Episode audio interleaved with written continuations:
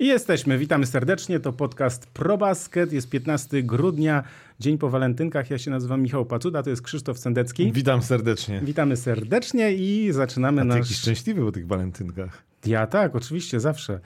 E, walentynki to... Pozdrawiamy nasze żony. Oczywiście, jak zawsze.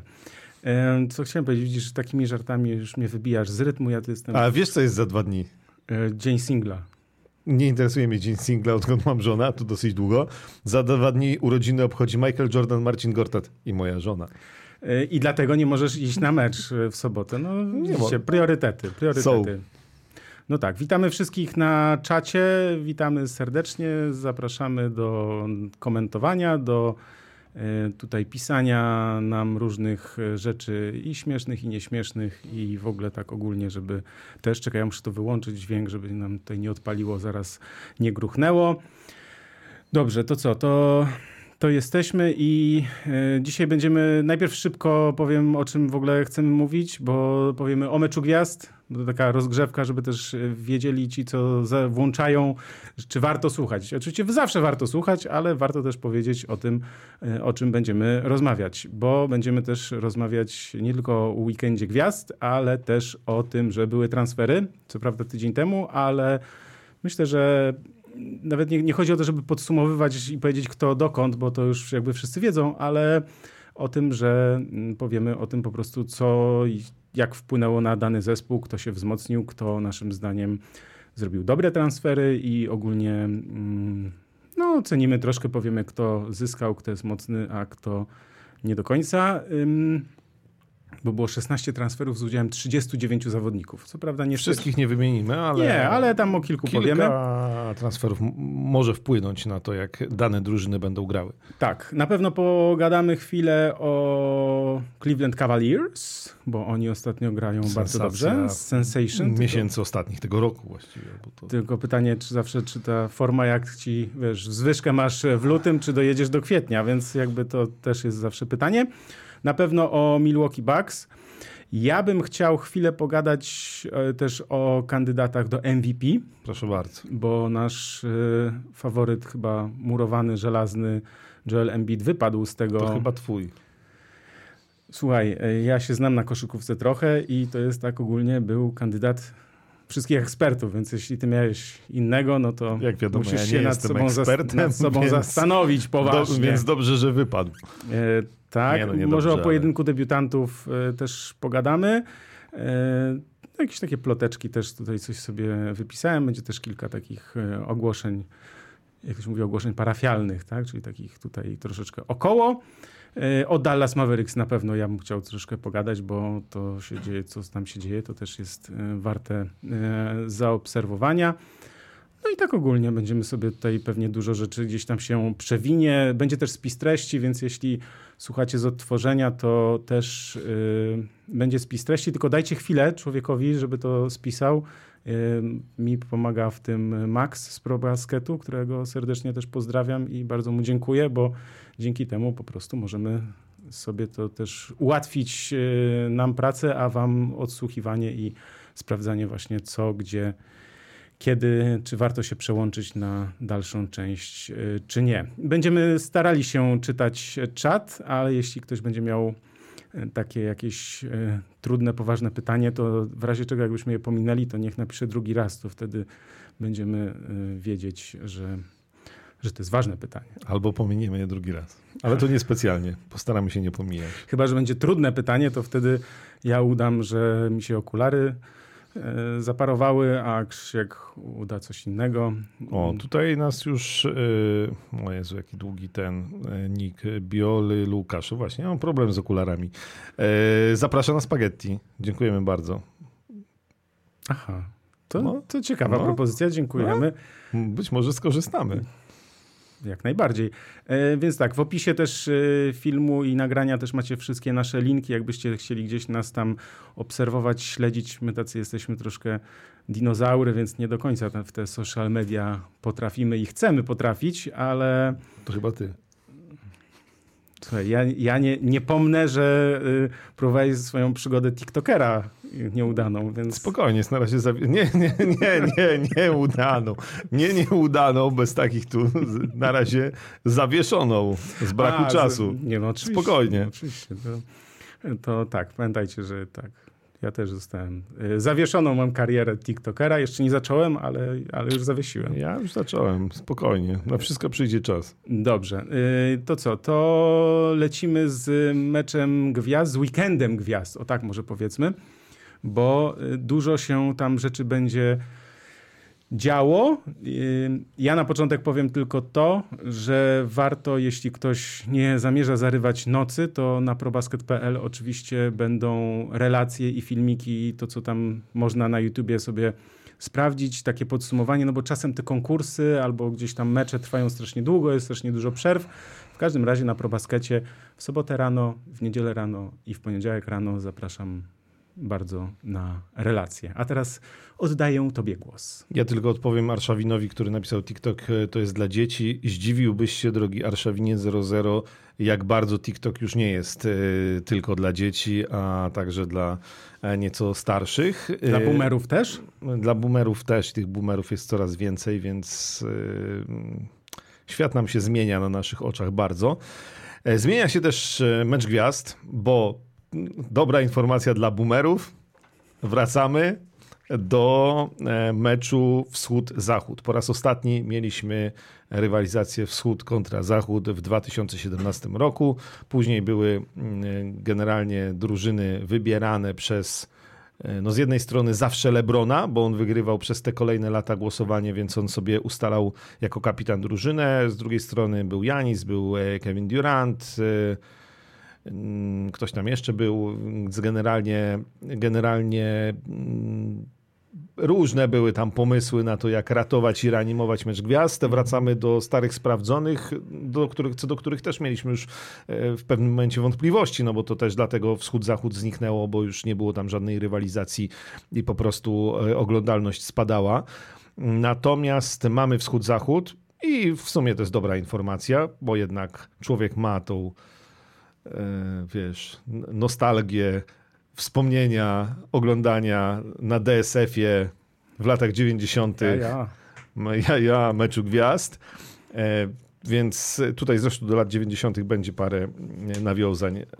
Może. A, dobra, zaraz do tego dojdziemy. Zacznijmy e, po, po kolei. po kolei. Tak, Chronologicznie. Chronologicznie. Symetria musi Piątek. być zachowana. Jak do, mówi de- detektyw Poirot, musi być symetria. Jakby ktoś chciał oglądać cały weekend, to zaczynamy w piątek. E, A, i w ogóle All Star Weekend jest w Indianapolis, jeszcze może dodajmy, e, bo to cenna informacja.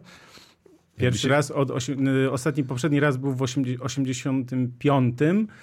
Yy, dlatego, że ja ci powiem tylko, zanim ci dam, przepraszam, że ci znów przerywam, bo ja mam taką tendencję niestety do tego, żeby przerywać i to wiele osób zauważa. Ja to wiem, ja z tym walczę, ja się staram, naprawdę, wierzcie mi.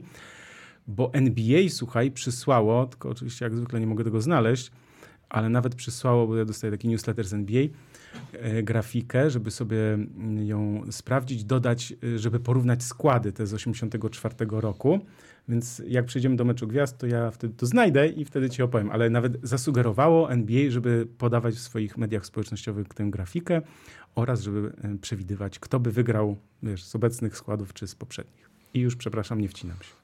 Idealna e, dyskusja dla boomerów. E, Piątek. E, W piątek najważniejszą rzeczą jest to, że mamy mecz wschodzących gwiazd, tak to ładnie powiedzmy na język polski. Natomiast najważniejszą rzeczą jest to, że będzie tam no możemy powiedzieć dwóch Polaków, e, bo będzie oczywiście Jeremy Sochan, znaczy nie oczywiście, bo on zastąpił kontuzjowanego zawodnika Jeremy Sochan pierwotnie, e, o czym mówiliśmy dwa tygodnie temu.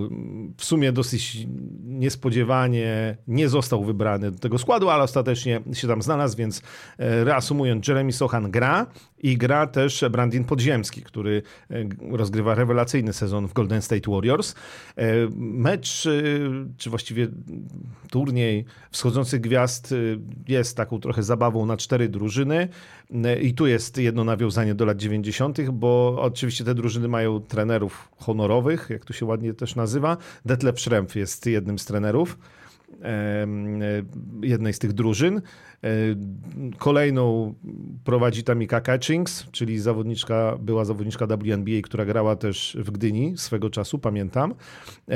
Jalen Rose ma swoją drużynę i tam właśnie występuje Jeremy Sochan, a także Chet Holmgren między innymi. No i Pau Gasol ma swoją drużynę i tam gra Brandin Podziemski tam będzie grał też Wiktor Wembaniama, a więc razem z Podziemskim, także Heimi Hakes Jr. E, w tym zespole. Więc e, to jest zabawa z pierwszoroczniakami, no dla nas o tyle ważna, że, że właśnie Jeremy Sochan no i Brandin Podziemski, który miejmy nadzieję niebawem zostanie też reprezentantem Polski. Tak? E, tak. I tam się gra, jak to jest tam chyba do 40 punktów, potem finał jest chyba do 25, jeśli dobrze pamiętam. I ogólnie jest tak, że no tak nietypowo, tak? I tam jest drużyna jeszcze z G-League. Tak, no to właśnie Detlef Schrempf dostał tą drużynę, w której nie ma żadnego zawodnika NBA, tylko są tak zwani prospekci i G-League. E, I e, generalnie Paul Gasol i Jalen Rose, patrząc na nazwiska, mają zdecydowanie najlepsze drużyny. No Więc... ale wiesz, jak to się potem... Ja wiem, ale... Tu, tu jest, tu, tutaj chodzi o to, kto, komu się będzie bardziej chciało. Dokładnie, no jak w całym tym weekendzie ogólnie. Natomiast y, w piątek jest też y, rzecz, która najmniej interesuje mnie, też patrząc na nazwiska, czyli mecz celebrytów, ale mi się podoba to, że wiesz, jest mecz gwiazd, a ten mecz jest celebrytów, nie gwiazd, ale tam niby gwiazdy, nazwijmy to szeroko pojętej popkultury, występują. E, będzie w tym meczu grała m.in. Jennifer Hudson, która w niedzielę będzie miała halftime show. E, natomiast tam, e, ponieważ nie za wiele, przepraszam, nie za wiele nazwisk zna, no, Ron Artest, jakiekolwiek on ma teraz nazwisko, coś tam z meta, będzie w tym meczu grał między innymi, e, chyba ze dwie zawodniczki WNBA też. Natomiast niestety jestem chyba na marnym etapie obecnie, jeśli chodzi o gwiazdy, czy tam celebrytów w Stanach Zjednoczonych. Znaczy w Polsce też wiesz, jakby nie, nie za bardzo się łapie w tych wszystkich fagatach i tak dalej. Nie, nie ten, y, nie, nie trzymasz trendów. Nie, prostu. nie, tam jak już tam są jacyś, wiesz, tiktokerzy ze Stanów, to nie bardzo mi te nazwiska cokolwiek mówią, więc przepraszam, jeśli ktoś miał nadzieję, że o ja, tym powiem. Ja też mam tak, że jak mecz oglądam, to, to pokazują kogoś, podpisują, jak nie powiedzą na przykład, kto to jest, to ja mówię, mm, nie, nie, nie. Y, słuchaj, ja tą y, Lady Gaga kiedyś minąłem w Berlinie na meczu San Antonio z Albą Berlin i... I nie wiedziałeś, i do, że to ona. Nie, i dopiero, dopiero e, po przerwie, jak ją pokazali na Telebimie w pierwszym rzędzie, to się zorientowałem, że byłem jakieś 20 centymetrów od Lady Gaga. Widzisz, i tyle cię ominęło. Tak, a chociaż teoretycznie powinien wiedzieć, no ale nie wiedziałem, że ona tam w ogóle będzie. Słabo się przygotowałem. Natomiast y, tylko chciałem powiedzieć o tym meczu, którego i tak w Polsce nikt nie będzie oglądał, e, celebrytów amerykańskich, że tam są za to fajni trenerzy, bo tam i są ludzie, których znam, bo jest 50 Cent, jest e, Peyton Manning, to, to e, jest e, też Lil Wayne, no jest Isaiah Wilson, więc generalnie powiedzmy, że tutaj najwięcej nazwisk to jeśli chodzi o trenerów, y, czy tam asystentów trenerów y, w tych drużynach e, kojarzyłem. Tak, tak wygląda piątek. Chciałbyś coś dodać? Chciałbym dodać jako tylko to, człowiek że... dbający o PR Jeremy'ego Sochana? Nie, no słuchaj, no myślę, że Jeremy jest w, dobrej, w dobrym towarzystwie. Ja się cieszę, że u Jalena Rose'a, bo ja jestem wielkim fanem Jalena Rose'a i po tym jak go zwolnili z ESPN-u, to ja po prostu bojkotuję Oczywiście żartuję trochę, ale bardzo żałuję, że go nie ma, bo najpierw mieli, miał ten świetny taki, nazwijmy to talk show, czy taki podcast z, oczywiście już nie pamiętam e, nazwiska tej drugiej osoby, ale nieważne. I w każdym razie Jalen Rose zawsze trafne, takie mądre, fajne analizy, więc fajnie, że w tym zespole. I, i to jest dla mnie ciekawe, bo razem z Chetem Holmgrenem. To jest, wiesz, takim największym rywalem Wiktora Łębaniamy. Więc to jest ciekawe, że nie, nie razem z Wiktorem, tylko właśnie przeciwko. Tak jest. No i też, nie, generalnie z tych meczów, jeżeli dojdzie do starcia drużyny Pau Gasol kontra drużyna Jalena Rosa, to to będzie najciekawsze, bo to jest Łębaniama kontra Holmgren, Łębaniana kontra Sochan. Tak, ale już wiemy, że jest Team Jalen y, półfinał, bo jak pisałem mhm. gdzieś chyba tydzień temu, to chyba tego jeszcze nie było Team Jalen versus y, Team Tamika, czyli, czyli zespół NBA na zespół NBA, bo wiadomo, że Team Pau ma łatwiej, bo ma tych y, zawodników no to spoza, jeśli... chociaż z drugiej strony może być trudno, bo tam ci będą tak spięci. Tak, tak, tak. Więc... No, zagrać przeciwko Łębaniamie i tak dalej, więc no więc tak. To, Czyli to, do 40 punktów, a potem finał do 25 i przechodzimy do soboty. E, tak. E, pytanie tutaj Arszawina, co myślicie na temat parkietu, który ma być jednocześnie ekranem? Chcę to zobaczyć w dłuższej perspektywie podczas tego weekendu. W telewizji widziałem gdzieś tam w internecie, ale też e, Wiem, że były spore kontrowersje, bo parkiety na turniej ten śródsezonowy wyglądały bardzo ładnie, natomiast później w transmisji Niektóre były męczące jednak i to też przyznaję, mimo że ogólnie byłem ich zwolennikiem, to też zależało od malowania. Tutaj to ma być ekran też, na którym ma się tam coś dziać i to teoretycznie bardzo ładnie wygląda, ale zobaczymy jak będzie wyglądało, się sprawdzało w trakcie meczu. Ale druga też, przepraszam, druga też jest ważna rzecz, yy, jak będzie z przyczepnością. Bo wiesz, problemem pamiętam jednego z tych parkietów było to, że było ślisko tych takich klejonych na ten in-season tournament. Więc na przykład pytanie, jak to będzie, jak zawodnicy się na tym, na tym odnajdą. Jeśli nie będzie żadnej różnicy, dla mnie spoko, możecie sobie kombinować, natomiast jak będzie tak, że kurczę, ktoś się poślizgnie, tam gdzieś piłka coś będzie źle odbijać, no to będzie słabo, mówiąc najogólniej. E, czytam komentarz, jakby była Maryla Rodowicz, to by panowie rozpoznali. Właśnie miałem powiedzieć, panie Sirok For, proszę nas nie obrażać. Znaczy my wiemy, kto, kim jest Maryla Rodowicz, żeby nie było, ale jednak, jednak jedno pokolenie jeszcze jesteśmy młodsi. No tak, no przy nas z wieku naszych rodziców. No, no więc jakby z, z szacunkiem do nas, poproszę. Dawać kciuki, bo będziecie mieć grube brzuchy Doncicia Luki. No, Dobra. Właśnie, o, no. tak. I Aha. łapki w górę, lajki i tak dalej. I też yy, tutaj jest ten moment, kiedy mogę powiedzieć, słuchajcie, bardzo ważna kwestia, jak lubicie, jak oglądacie, to dzielcie się ze swoimi też znajomymi. Więcej o tym powiem, bo mam też taką myśl głębszą na ten temat, ale to później, na koniec. Yy, tak, dawajcie lajki i polecajcie znajomym. Jeśli nas lubicie, jeśli lubicie też inne podcasty czy programy, to też jakby dzielcie się ze znajomymi, no bo to zawsze na korzyść tych autorów. Tak Proszę. jest. Yy, sobota. Tak. E, w sobotę mamy tradycyjną noc konkursów. Yy, jest tam kilka ciekawych rzeczy. O tym, że będziemy mieli pojedynek Stefa Kerego z Sabriną Jonesku mówiliśmy już trochę dwa tygodnie temu, więc tyle. Teraz tylko przypomnę, że oni zmierzą się w konkursie trójek i rzucają według zasad Jonesku WNBA Steph Curry NBA, czyli y, Steph ma piłkę szóstkę o rozmiar większą, no i rzuca z tylko 7,24. Steph ma siódemkę. Y, Steph ma siódemkę, sorry, Jonesku ma szóstkę, tak, tak to jest. Mm. E, e, no, no okej, okay. w każdym razie rozmiar większą, tak, tak, tak, tak. Normalną, po prostu normalną, każdy, każdą ma każdy normalną gra tą piłką, którą, którą gra na co dzień. E, Steph Curry z 7,24, mm, przeliczając na metry i centymetry, czyli odległość taka, jaka jest w NBA. Sabrina e, ma bliżej, no bo też jakby linia rzutów za trzy punkty z WNBA. I moim zdaniem to może być najciekawszy konkurs tego wieczoru. Tak, to bezwzględnie będzie niesamowite. Sabrina Ionescu jest rekordzistką e, meczu gwiazd WNBA e, w konkursie rzutów za trzy. Ona, ona zdobyła 37 na 40 możliwych punktów, e, wygrywając ten konkurs. Więc no zresztą ona w Stanach Zjednoczonych jest naprawdę rozpoznawalną, bardzo można powiedzieć gwiazdą gdzieś tam jej sława wychodzi. Też oczywiście ona gra w Nowym Jorku, to też jest o tyle łatwiej, natomiast jej, jej ta rozpoznawalność i sława wychodzi poza parkiet, więc to, to na pewno będzie, będzie wydarzenie i mocno promowane, ale myślę, że tak po prostu fajne. E, jest oczywiście, mm, są trzy konkursy.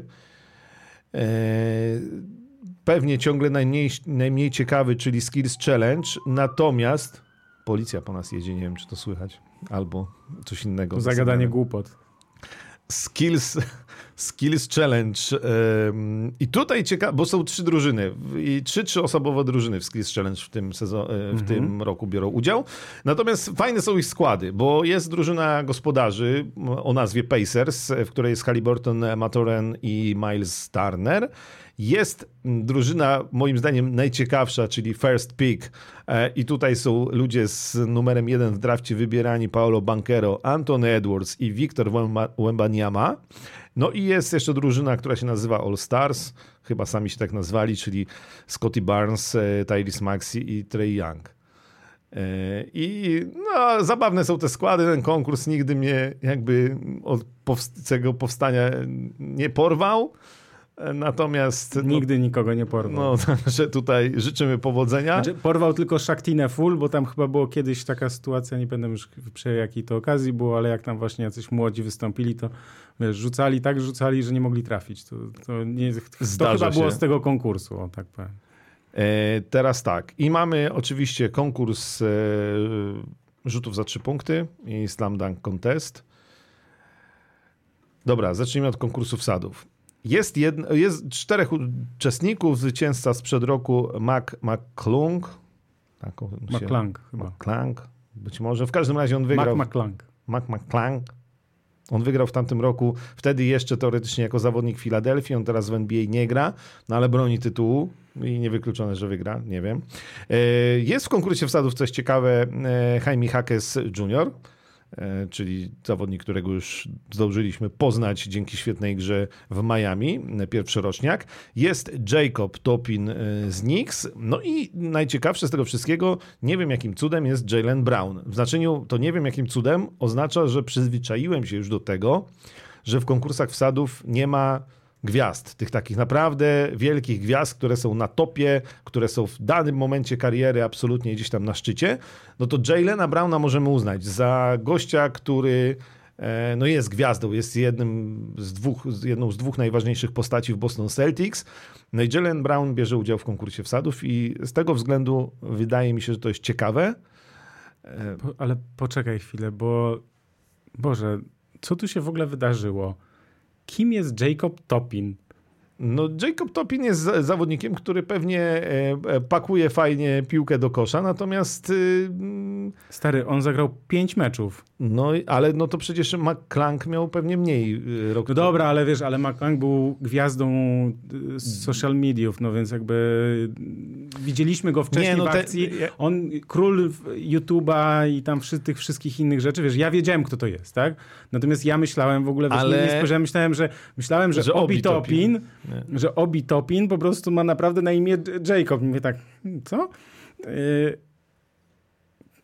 w ogóle nie wiem, co się wydarzyło i nie wiem, dlaczego nie, zawodnik, znaczy, który ma ja się, pięć meczów rozegranych... Ja się nie dziwię, bo generalnie te składy y, konkursu wsadów są... No tak, ale wiesz, ale był, nie wiem, Anthony Simons na przykład, wiesz, że jakoś A może takie... nie chciał, nie wiem, bo... No ja wiem, że jakby... pewnie nie chciał, ale żeby sięgać po kogoś, kto... Dobra, słuchajcie, nie wiem, Yy, może on lata po prostu głową dotyka do nie wiem, górnej części, zębami do obręczy i po prostu będzie tutaj robił jakieś niewiarygodne rzeczy, ale dla mnie jednak dawanie do konkursu gościa, który ma ze sobą pięć meczów rozegranych, to jest jakaś no, taka porażka medialna, no bo to że z tylu gości, kurczę, którzy skaczą po prostu pod sufit i naprawdę no przyznam ci, że, że w ogóle jakby się tym nie zainteresowałem, a w sumie masz no ja rację. Ja się zainteresowałem teraz. E, nie, no, bo jakby skupiłem się na tym, że fajnie, że jest Jalen Brown e, i że, że wreszcie jakieś takie sensowne nazwisko, też ten Jaime Hackes, to ciekawe, że... Tak, tak, on ostatnio tak. teraz wsadzika dał w, końcówce meczu, wygrali. Tak, więc, więc jakby e, to fakt, natomiast no niestety konkurs sadów wciąż cierpi na jakby całościowo na to patrząc, no, na taką bidę, mówiąc, mówiąc ogólnie. No, wiesz, fajnie by było, gdyby w konkursie wsadów wziął udział kiedyś LeBron, nigdy nie wziął, tak, albo coś gracze... Aaron Gordon powinien wziąć i, i udział i w końcu wygrać. No, no, tak, no ale wiesz, jakbyś miał na przykład, nie wiem, w konkursie wsadów Pewnie dla kibiców byłoby ciekawsze, gdyby to był, nie wiem, Jalen Brown, Antony Edwards, nie wiem. No właśnie, Antony wiesz, Edwards powinien wziąć udział. No, Kurczę, no. Czterech gości walczących gdzieś tam powiedzmy o MVP na przykład, tak? I, i jakoś Nie, tam... nawet nie chodzi o to, żeby MVP, wiesz, Obi Topin też lata pod sufit, no.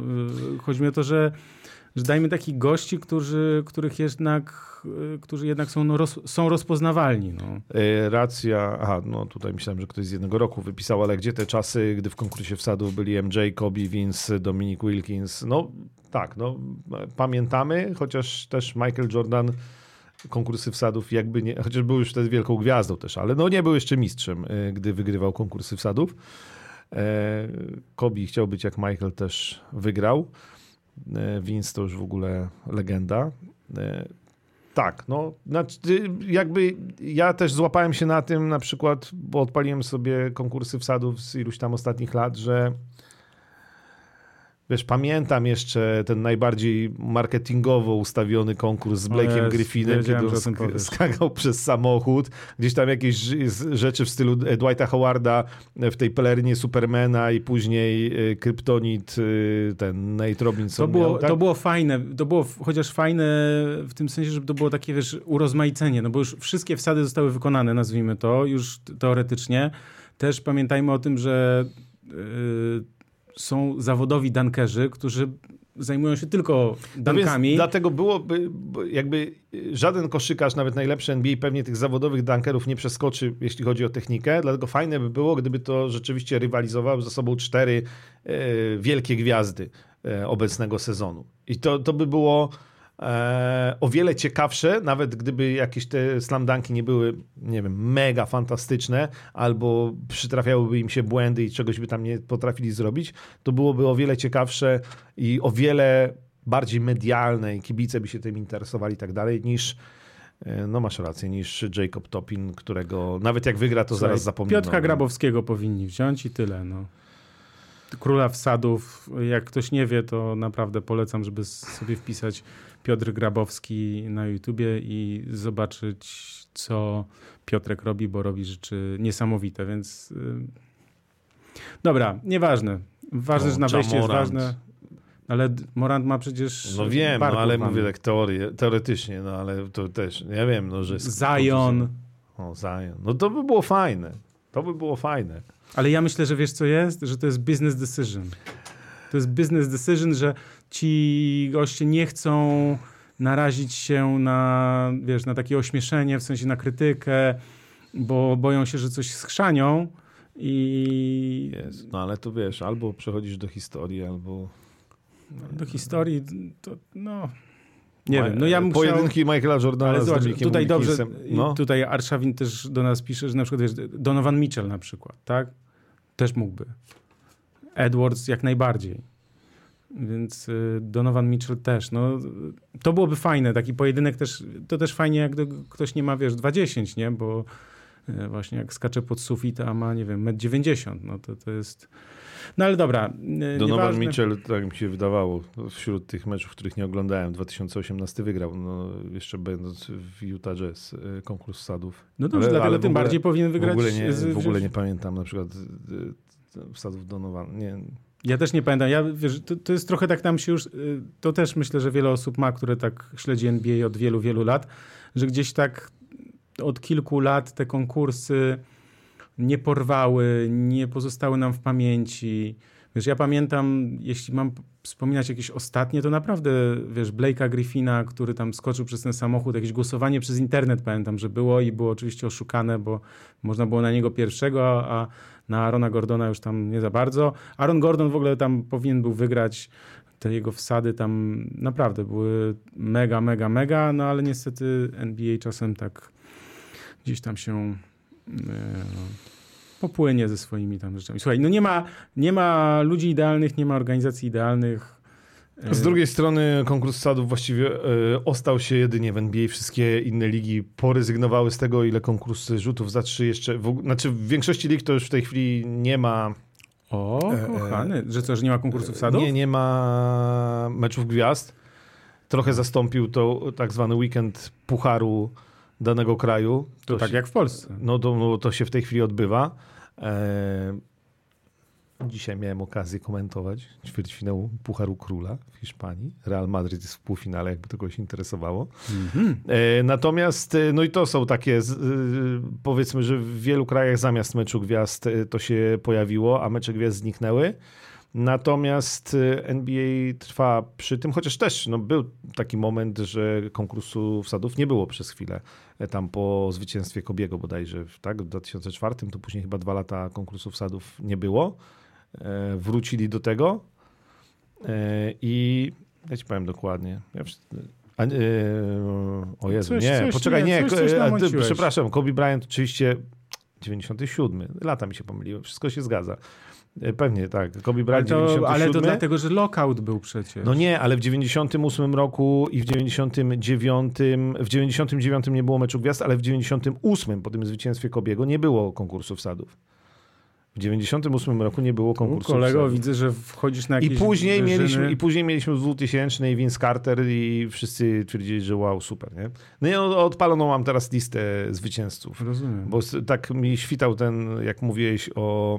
E, Donowanie Michelu, to musiałem to sprawdzić. Jacob Topin wygląda jak Obi Topin, dlatego też ja w ogóle nie skojarzyłem i tutaj Michał Staniszewski podpowiada, że to jest młodszy brat Obiego Topina. No tak no to, wygląda no, i... No i piękna historia, Obi Topin wygrał dwa lata temu, to Jacob Topin teraz wygra i będzie brat. Familiada. Familiada. No dobra, no nie, nie okej, okay, to mamy wyjaśnioną sprawę Jacoba Topina. E, okej, okay. nie, dobra nie mam zdania na ten temat. Znaczy, wiadomo, wiadomo, wiadomo, co ja bym chciał. To już powiedzieliśmy, co ja bym chciał i co ty byś chciał. Cztery mega gwiazdy yy, i tak. Kuminga. Kuminga się aż prosi do wsadów. No prosi o, się. tak, no. Jonathan Kuminga 100%. Oczywiście, że tak. Nie, no to już, już my już wybraliśmy. No. Nikolaj Jokic. I Luka Doncic. tak. I Sengun, tu jeszcze Apolinary napisał. No tak, tak. Szengun. Ty mnie tureckiego uczył nie będziesz.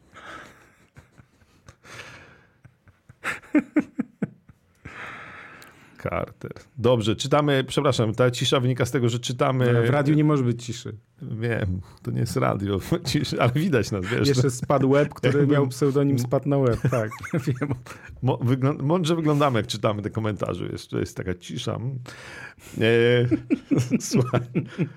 Za to takich problemów jak w konkursie wsadów nie ma w konkursie rzutów za trzy punkty, bo tam nie trudno ma. się do obsady przyczepić. Ona jest zawsze na bardzo wysokim poziomie i tam się jakoś nikt nie boi, że skończy jak Michael Jordan, który przypominamy, że raz w konkursie wsadów, w konkursie rzutów za trzy punkty wystąpił i poległ z kretesem, delikatnie rzecz biorąc. E, I jego legendy jakoś za bardzo to nie zaburzyło, natomiast czasami mu tam jeszcze złośliwcy przypominają e, ten zupełnie nieudany epizod w jego życiu. Natomiast w tym sezonie Malik Beasley, w tym roku, w tym konkursie wsadów, w ten weekend, Malik Beasley będzie, Jalen Branson, e, Tyrese Halliburton, który w ogóle będzie, bo on w Skills Challenge i w konkursie trójek. No więc... nie zmęczy się w Skills Challenge, nie martw się o niego. Dobra. E, Damian Lillard, czyli zwycięzca sprzed roku, Lauri Markanen, Donovan Mitchell, e, Carl Anthony Towns, czyli zwycięzca sprzed dwóch lat i Trey Young. To jest skład trójek. E, no i tutaj to stabilnie, no. Jakby kto rzuci więcej, to wygra. Chujowo, ale stabilnie. Tak.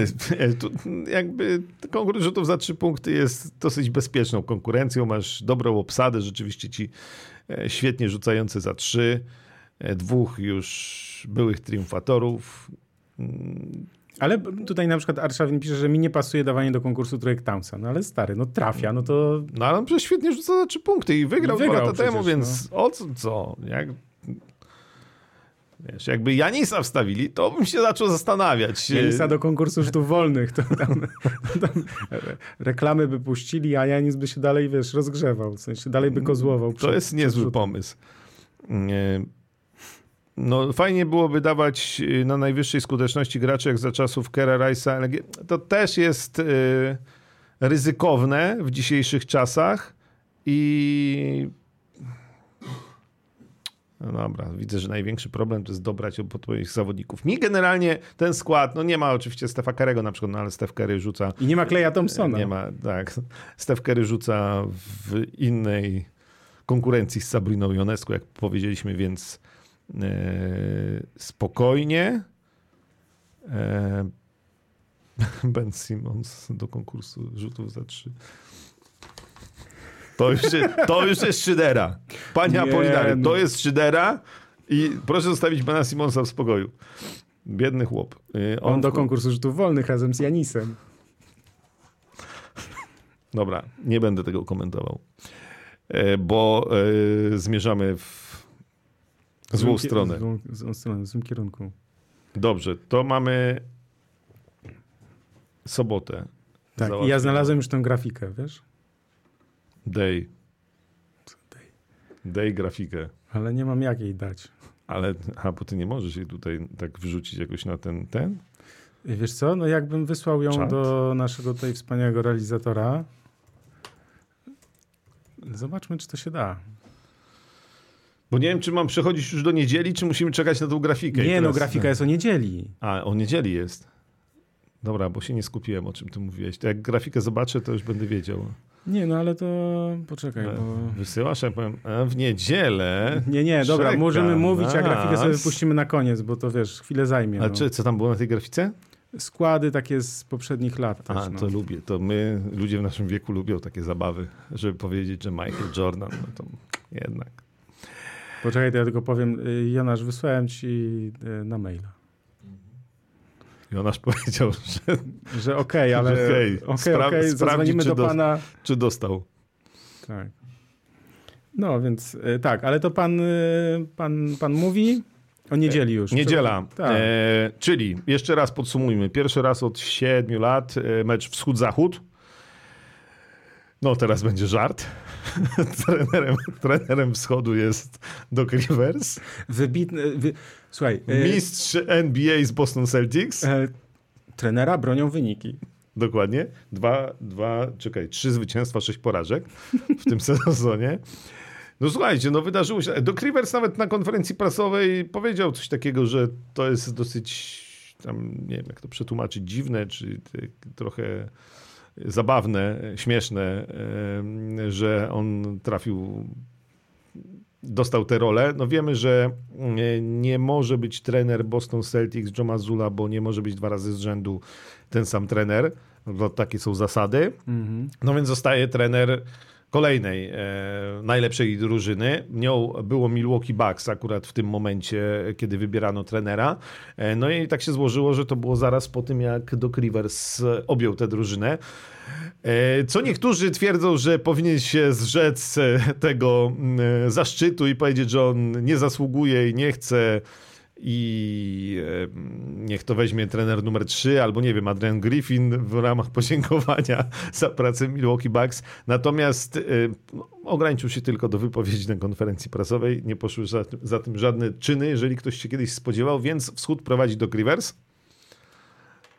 Tam chyba kasa będzie, wiesz, dla asystentów bo jego asystenci też, poza tym stary, mecz gwiazd to na pewno jest taka dobra okazja Dla Doka Riversa do spotkania. To nie, to jest w ogóle... Po godzinach. Doc Rivers jest bardzo dobrym trenerem do meczu gwiazd. Naprawdę. E, na zachód prowadzi Chris Finch i tutaj już jakby nie ma żadnych żartów. Trener Minnesota Timberwolves. Natomiast e, natomiast e, pierwsze piątki to jeszcze raz przypomnijmy, y, że jest na wschodzie oczywiście Taris Halliburton, Damian Lillard, to dosyć niespodziewane, ale wygrał minimalnie z Jalenem Bransonem y, i decydow tu decydowali kibice, bo oni mieli, bo tam w głosowaniu jest 50% głosów to są głosy kibiców, 25% dziennikarzy, 25% samych koszykarzy. To się podlicza miejsca, dzieli, dodaje, dzieli na cztery i ci wychodzi i y, Branson i, i Lillard mieli taki sam wynik. Natomiast ponieważ w głosowaniu kibiców Lillard był wyżej, no to Lillard jest w pierwszej piątce, Jalen Branson został dopiero przez trenerów dobrany. E, czyli Halliburton, Lillard, Janis, Jason Tatum i był Joel Embiid, ale jest kontuzjowany, więc za niego wskoczył e, do składu Trey Young którego nie było pierwotnie, ani w, wiadomo w wyborze piątek, ani w wyborze trenerów. E, też jest Scotty Barnes za Juliusa Randla, który też jest kontuzjowany. Tak, i to jest ten moment, żebyś sprawdził tę grafikę. No, odpal YouTube'a, Poczekaj, być. Tyrese Maxi, Donovan Mitchell, Jalen Brown i Paolo Banquero to jest już cały skład wschodu. Tak. I tu jest ten, Boże, to jest takie... Ma... Poczekaj, przecież... że małe, że słabo widać. Zaraz, przecież ja sobie muszę... to wina jakiś- NBA przecież. Cicho, A musisz weź lupę wziąć. Ekran, czekaj, powiększyłem ekran. Mam. Eee, All Star.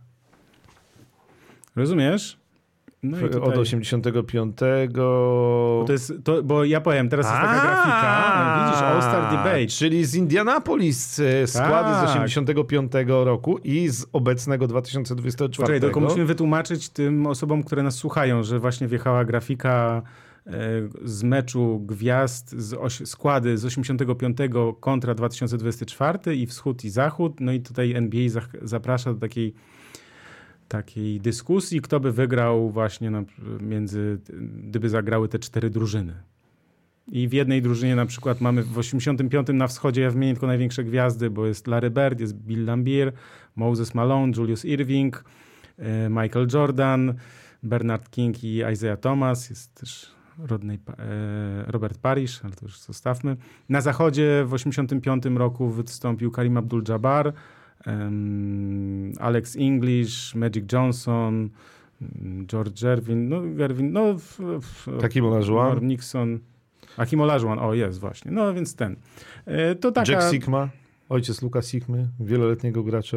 tak, Albert Ralph. Samson, E, Rolando słuchaj, Blackman też. ty ten zachód wygląda lepiej e, niż wschód z 85 z całym szacunkiem. Ja powinienem powiedzieć, że wschód 85 e, na luzie wygrywa, bo jak masz Jordana, to wygrywasz, nie? Z 85 masz Ty, a w ogóle, a jaki był wynik w ogóle w 85 e, wschód-zachód?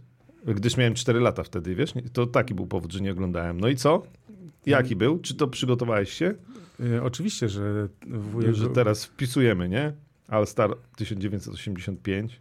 West 140, East 129. No mówiłem, no, bo, bo na, na papierze, dobrze, dobrze bym trafił, na papierze ten zachód wyglądał wiele lepiej, Ralph mimo... Samson 24, Gervin 23, Magic Johnson 21, 15 asyst, a Michael? Michael?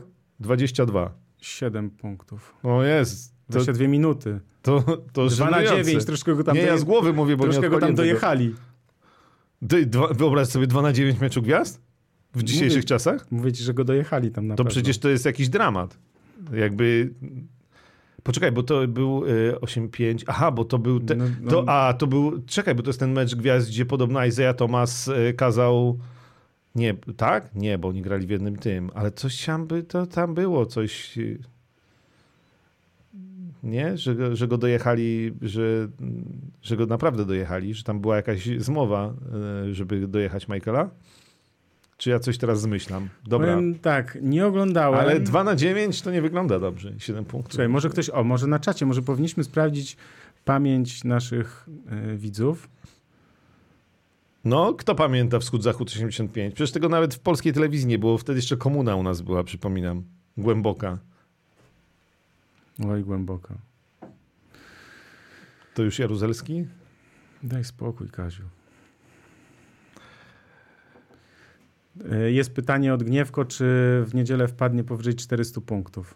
Albo chociaż 200 z jednej eki. Z jednej eki. Ja mam nadzieję, że nie. W znaczeniu ja mam nadzieję, że... Bo to jest... Bo, poczekaj.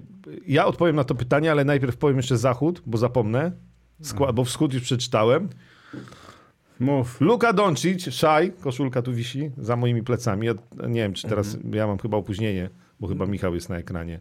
Ale jak coś, to jak mnie zobaczycie na ekranie, to koszulka Nie, za... nikt nie zauważył, słuchaj. Nikt nie zauważył przez godzinę, nikt nie zauważył. No to, ale to miał być taki y, właśnie moment, że Szaj, a Tadam. koszulka tu wisi, Szaj jest w pierwszej piątce, Luka Doncic, Kevin Durant, LeBron James, Nikola Jokic, no i y, Devin Booker, Steph Curry, Anthony Edwards, Paul George, Kawhi Leonard, Carl Anthony Towns i Anthony Davis na ławce. Nie ma żadnych kontuzji na zachodzie, dobrze powiedziałem. I teraz wróćmy do e, tematu pytania. Ja, e, odpowiadając na nie, czy będzie 400 punktów, mam nadzieję, że nie, bo mam nadzieję, że powrót do tego formatu wschód-zachód wymusi chociaż trochę rywalizacji, chociaż przynajmniej w jakiejś czwartej kwarcie. Naprawdę chciałbym, żeby oni trochę pograli y, o zwycięstwo w tym meczu. Nie wiem, ja nie mam prostego pomysłu na to, jak zmotywować zawodników i dlaczego e, kiedyś to było i tej rywalizacji było trochę więcej i Michael Jordan mógł mieć 2 na 9 e, w meczu gwiazd. Wiesz, to zaraz ci powiedzą wszyscy ci, co wspominają lata 80., jak to tam Bad Boys i tak dalej, że kiedyś to było. Kiedyś to było, no, kiedyś to... No ale wiesz co, no ale to, to ciągle, ciągle była też zabawa. Niech to będzie tak jak y, jeszcze paręnaście lat temu, jeszcze pamiętam 2011? Mecz gwiazd taki, co był LeBron versus Kobe, e, gdzie tam było trochę tej rywalizacji. Widzisz, pamiętam, że e, Rihanna śpiewała w przerwie i ten e, Fly Away, jak mu tam. No dobra, zaraz sobie przypomnę. E, natomiast nie pamiętam, ale chyba 2011 to był rok, e, bo to, to był LeBron i Kobe i tam było trochę rywalizacji. I tam było łącznie z tym, że Kobe po którymś wejściu pod kosz, gdzie LeBron próbował go zablokować, e, Kobe trafił i wracając klepnął go w pośladki, robiąc y, taką minę, wiesz, zwycięzcy, nie? No, mm-hmm. te, te, ja bym to chciał zobaczyć. Chciałbym zobaczyć, że ktoś przynajmniej próbuje bronić, że jest jakaś rywalizacja, że im się na czymś zależy, a nie tylko o, na tym, żeby rzucać ale jupy, wiesz, kozłem ja o wiem, parkiet. Ja wiem, ty po prostu byś chciał piosenkę pana Kokoracza bym chciała najbardziej usłyszeć. Tak się składa, że mam pana Koracza na sali i ty właśnie mówisz tutaj te właśnie rzeczy. Tak, rozumiem. Y, ja też bym chciał zobaczyć mecz gwiazd, w którym no w którym co, no w którym się coś dzieje takiego, wiesz, że, że oni nie czekają do ostatnich pięciu minut albo ostatnich ośmiu minut, żeby zagrać na serio. Oczywiście niech to będzie tam ale jupy i tak dalej, ale niech będzie kilka fauli, bo wiesz, i niech będzie trochę obrony, yy, no zobaczymy, jak to tam się chłopcy zepną, czy nie zepną, wiesz. No miejmy nadzieję, że się zepną. Pewnie e, tak sobie myślałem, że najbardziej czy wywołującym największą rywalizację byłby format, z którego NBA nigdy nie skorzystało, a który był swego czasu bardzo popularny, czyli Stany Zjednoczone versus reszta świata. Mm. I w mm. obecnej NBA wydaje mi się, że to by było całkiem nieźle mogłoby to naprawdę wyglądać i rzeczywiście zmusić do takiej rywalizacji. Chociażby patrząc też przez pryzmat reprezentacji Stanów Zjednoczonych, która, no co prawda, Igrzyska Olimpijskie ostatnie wygrała, ale Mistrzostwa Świata e, i ostatnie i przedostatnie przegrała i zdarza im się przegrywać, więc taki skład, no tutaj masz najmocniejszy, tu, tu właściwie jeśli ktoś nie jest kontuzjowany, no to nie ma, że odmówi, jak gry w kadrze, bo jest zmęczony, bo coś tam. E, z drugiej strony Europa czy świat szerzej, no bo to jest jeszcze kwestia Kanady i paru innych krajów, no to wiesz, skład z Luką, z Nikolą Jokicem i tak dalej, no to, to, to z Szajem, jeśli Kanada wreszcie świata gra, no to, to mogłoby być naprawdę e, coś fajnego. Natomiast ja sobie trochę obiecuję po tym powrocie do rywalizacji wschód-zachód. Nie za dużo, ale, ale przynajmniej trochę. No. Ja, jak wstanę w nocy, tą niedzielę. Nie strasz. Znaczy tam nie pójdę spać może yy, i po prostu będzie 48 minut rzucania alejupów i skończy się 204 do 192, to więcej meczu gwiazd nie obejrzę. Czekaj, wyślę to tego. Do Adam, Adam, Adam Silver. Adam? Adam.silver.nba.com Bojkot. bojkot. Planowany bojkot. Uważaj, bo Krzysiek się obrazi. Słuchaj, już odpisał, że przepraszam. No dobra, słuchaj, to idźmy dalej. Ja jestem dzieckiem no. wychowanym na oglądaniu, siedziałem po nocach, oglądałem NBA i mecz gwiazd też oglądałem w języku, którego uczyłem się 8 lat i umiem, i umiem się powiedzieć tylko iść hajse Krzysztof Sendecki, czyli na DSF-ie. Iść habe e... eine nackte Frau, to u nas było na niemieckim. I Ananas auf Trinken. Mhm. To no już bardziej skomplikowane. No. Tak, Więc... a, ja pamiętam, a ja pamiętam jak w 94 Scott Pippen miał czerwone buty i wszyscy się nimi, wszyscy się nim e, jarali się, się, tymi butami, bo słuchajcie, kiedyś jak my graliśmy, to wszyscy mieli albo czarne, albo białe. W sensie były... No to, to przełamał tak naprawdę dopiero Jordan z tymi, tymi nie? I tam No tak, tak, tak, ale tak były te czerwone, właśnie czerwone, czerwone Pippeny były w ogóle furorę robiły. To był 94 chyba był ten finał w Minneapolis i ja nie zapomnę y, do dziś, jak było chyba 127-118 i pod tytułem tam, nie wiem, 9 sekund czy ileś i Mirek Nocula, którego serdecznie pozdrawiamy, komentując powiedział, no tu jeszcze się może wiele wydarzyć, trzy rzuty za trzy punkty, remis dogrywka. Albo wiesz, 9 sekund czy coś. Więc ja zapamiętałem po prostu to, ja mówię tak, trzy rzuty za trzy punkty, remis dogrywka. No. Nie zadziałało się to jednak. Yy, ale pamiętam, że była rywalizacja i no te, te, weekend, te, te mecze gwiazd kiedyś rzeczywiście no, były takie, że ze sobą drużyny rywalizowały, zawodnicy ze sobą rywalizowali, a dzisiaj to tak bardziej przypomina e, najważniejsze, żeby się, żeby nie doznać kontuzji i to jest jakby najważniejsze. Ja pamiętam, czekaj, to było, kiedy, kiedy był mecz w Salt Lake City? 2000 a to, to z tych ostatnich. To, ostatnio, 7, ostatnio. To, to 17 to był, tak? Czy później? Nie, nie Dobra, nieważne. No. W każdym razie to było kilka lat temu. Yy, już nieważne. W każdym razie było tak, że yy, śmiali się nasi serdeczni koledzy z ESPN, że LeBron James dziękuję tam Utah. A to nie było rok temu? Nie oglądałem, no. Kontynuuj. Yy, Ale jest prawda. To było rok opowiadam. temu, bo Jeremy był w tym, w, w Salt Lake City przecież, stary to śmiali się, że LeBron James wpadł i wypadł, że wie, że wpadł na sam mecz i wyleciał po meczu, nawet chyba nie nocował. O rzeczach rozmawiamy. Nie, nie, nie, rozmawiamy o tych tych, wiesz, że, że jakby wpadł i wypadł na zasadzie i, i napisał dzięki za, thanks for hosting i tak dalej, wiesz. Słuchaj, jak na tej, jak na płycie y, Taco Hemingway ostatnio, jak tam jest, zabrali nam lato, to ja powiem, zabrali nam mecz gwiazd. Nie możesz tak uderzać. Mogę, nie, to jest dla wzmocnienia efektu. Nie, bo to ludzie wyłączą. E, poczekaj, bo ja tu pytanie było do mnie. Ja widziałem Krzysiek, a Apolinary pyta, Krzysiek, a lubiłeś reklamy na DSF pomiędzy meczami, ale wtedy nie leciały te e, e, reklamy, mm, te, bo nie wiem, czy to o te chodzi. Nul Ziben, nul, nul, coś tam. Nie, yy, były... ja byłem niepełnoletni wtedy. A, to były takie infolinia. Um, nie, wiesz, słuchaj, bo YouTube wy, teraz, teraz słowo, możesz sobie, możemy... Teraz możesz sobie, wiesz, zapłacić i tam fagatę podziwiać na przykład. Nie? Czasy się zmieniły. Wtedy mogłeś zadzwonić. Jak po 23 oglądałeś DSF czy coś tam. E, Dobra. Ale może nie. Dobrze. Słuchaj, bo nam się tu rozjechało, godzina minęła, a ty o meczu gwiazd. Słyszałem anegdoty, że Noculak to zasypiał podczas komentowania z Michałowiczem w nocy. Słuchajcie, to nie jest łatwa praca. Pozdrawiamy, ja też Mirka Noculaka pozdrawiam. Miałem okazję z nim, co prawda nie NBA, ale na przykład Igrzyska ostatnio komentować. E, parę meczów e, uwielbiam z nim komentować. Ale poczekaj, ja z nim komentowałem... E, Igrzyska w Pekinie też y, w TVP i tam były w 2008 roku. I tam były mecze w Pekinie, że myśmy zaczynali, bo to pierwszy raz wtedy w ogóle były w internecie igrzyska, nikt tego nie oglądał, znaczy ja, w całości. Poczekaj, ja, bo ja występowałem w TVP Sport w takim studiu, co płacili bardzo dobrze, do dziś to pamiętam. Bo też... wtedy było pierwszy raz w HD w ogóle a. i pierwszy raz wszystko mogłeś obejrzeć w 2008 roku w internecie, nikt tego wtedy jeszcze nie oglądał, no ale z Warszawy oczywiście Piotrek Sobczyński i Ryszard Łabędź byli w Pekinie, a ja z Mirkiem Noluculakiem i Anką Ulman, pozdrawiam serdecznie, byliśmy w Warszawie i robiliśmy te wszystkie mniej interesujące mecze.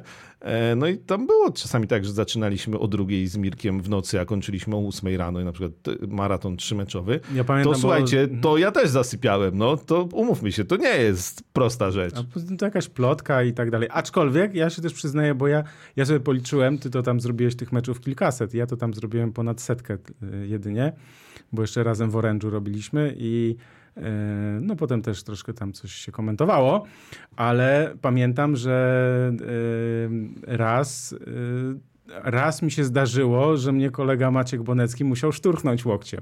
Że naprawdę... Maćka Boneskiego też pozdrawiamy. Tak jest i pamiętam, bo słuchajcie, bo to jest, to jest ogromna adrenalina, człowiek nie śpi przed tym, bo się przygotowuje i tak dalej. Jak jest mecz taki o trzeciej, najgorszy to, najgorszy to był taki o drugiej, bo to ani się nie położysz, a, Mhm. ani nie wytrzymasz potem, wiesz, i... Bo jeszcze jak był taki o 4.30, to jeszcze potrafiłem, Nie, to to, można moż- się można strzemnąć, się kimnąć i wiesz, wstać o trzeciej i jedziesz. A tutaj te, ja pamiętam, że raz mnie szturchnął, bo naprawdę zaliczyłem, że tak, zaliczyłem. Lekkie chrapanko było. Chrapnięcia chyba nie było, ale wiesz, ale, ale, ale oczka się zamknęły, no. No, to pie pięknie, pięknie. Wspaniale? PKP. Tak, Yy, PKP. Mm, Pięknie, kurczę, pięknie. Skończmy ten temat. Ty, ale Ty to tramwaj staje. ostatnia rzecz.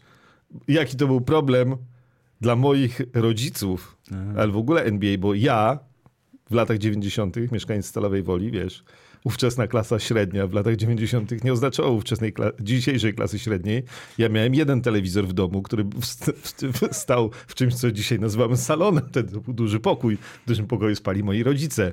No i o ile mój tata jest fanem piłki nożnej przede wszystkim, natomiast generalnie siedzenie po nocach i oglądanie z synem NBA, gdy się trzeba iść rano do pracy, to średnio e, więc e, no, to, to wiesz, to, to z takimi rzeczami się człowiek musiał mierzyć. Ja pamiętam, jak y, w 94 oglądałem finały Knicks Rackets, to ja miałem, słuchaj, ja miałem taki przywilej, jako klasa średnia, że miałem taki mały telewizorek. Ale ty, klasa średnia z Warszawy, to co innego. No tak, no dobra, no. Ale y, i ten telewizor miał chyba, nie wiem, czy, czy to była chyba taki 14-calowy, wiesz, no, autentycznie Sanyo taki, wszyscy wtedy mieli takie, takie były popularne. No, Ja nie miałem. No dobra, wszyscy, niektórzy mieli i ja miałem taką antenę, wiesz, wystającą, znaczy, bo nie było kablówki, to jeszcze, to, to ja nie miałem kablówki, więc y, ustawiałem antenę, wiesz, tak jako, miałem taki patent, że na dwójkę to trzeba było tak rozstawić No i tak no. rozstawić. I jeszcze jak było za słabo, to coś tam dotykało do tej anteny, jakiś wieszak, tam przedłużenie i tak dalej, ale żeby jeszcze opowiedzieć, jakie to były czasy, jak ktoś by chciał wiedzieć albo sobie powspominać, to ja na, na żywo oglądając mecz robiłem sobie statystyki, zaznaczałem kreseczki, bo chciałem wiedzieć, kto jak gra i tak dalej, bo wtedy tam na ekranie to wiesz, po- pokazali ci może punkty czasami, Mhm. ten, a nie było internetu, żeby sprawdzić na telegazecie, ale ja nie miałem telegazety, słuchaj. Bo ten telewizor nie- nie miał telegazety, był w kolorze, co prawda, ale więc ja robiłem statystyki, żeby wiedzieć następnego dnia, no bo kiedy był wynik następny, kiedy wynik O tego- 8 rano w No telegazecie. No, No tak, to dobrze, musiałeś w gazecie, gazecie- a to gazecie dwa dni później, nie? dnia. No tak, No no, właśnie. Nie, no wiem, wiem, wiem. No tak, tak, tak. To jakby Więc takie tutaj... nie żyłeś w latach 90., to tego nie zrozumiesz. Tak. No, więc dobrze, to kończymy y, segment. y, Szaranowicz i Łabędź Goats. No tak. Oczywiście. Na nich się wychowaliśmy. No. Oczywiście. Pozdrawiam serdecznie. Oczywiście. Nie wiesz, to jednak jest. Było przeżycie, jak z Ryszardem Łabędziem. Później miałem okazję przez rok pracować w mojej bytności w TVP. No tak, to, to jest zawsze, słuchajcie, to jest też taki, taki strzał dla, dla zawodników młodych na przykład, że wiesz, że ktoś, kto gra, bo to jest tak, jak przychodzisz do NBA i masz 20 lat i ktoś, kto ma 30 lat, to był twoim idolem, jak miałeś 10 lat, czy tam 11, 12, 13 i wiesz, przychodzisz, nagle zaczynasz grać z tym gościem, którego podziwiałeś, którego miałeś plakaty w pokoju. No, ja pamiętam, jak, jak się przechodziło z juniora do seniora, to wiesz, ci seniorzy tam mieli, po nie wiem, 23, 25, 28, to tam, to, to, to jak byłeś juniorem i wchodziłeś do takiej szatni, to nie wiedziałeś, czy mówisz dzień dobry, proszę, czy proszę pana masz mówić? Ale wyjaśnijmy, że nie- mieliśmy plakatów Ryszarda Łabędzia mimo wszystko w pokoju.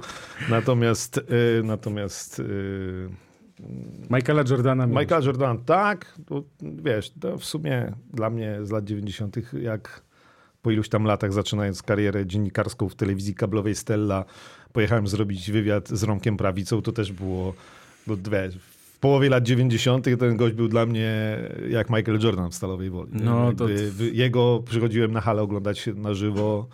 To tak jak e, dla mnie Michał Chlebowicki z, wiesz, na, na Polonii jako młody, albo na przykład Piotr Wiktorowski, najlepszy koszkarz Polski. No słuchaj, to, to jest, wiesz, Wojciech Królik i Ro- tak dalej. Roman Prawica, legenda Stali Stalowa Wola. Tak jest. I słuchajcie, i tę okazję... Szaranowicza też nie mieliśmy plakatów. Proszę e, skasować te posty, bo będziemy usuwać. bo cenzura wiedzie.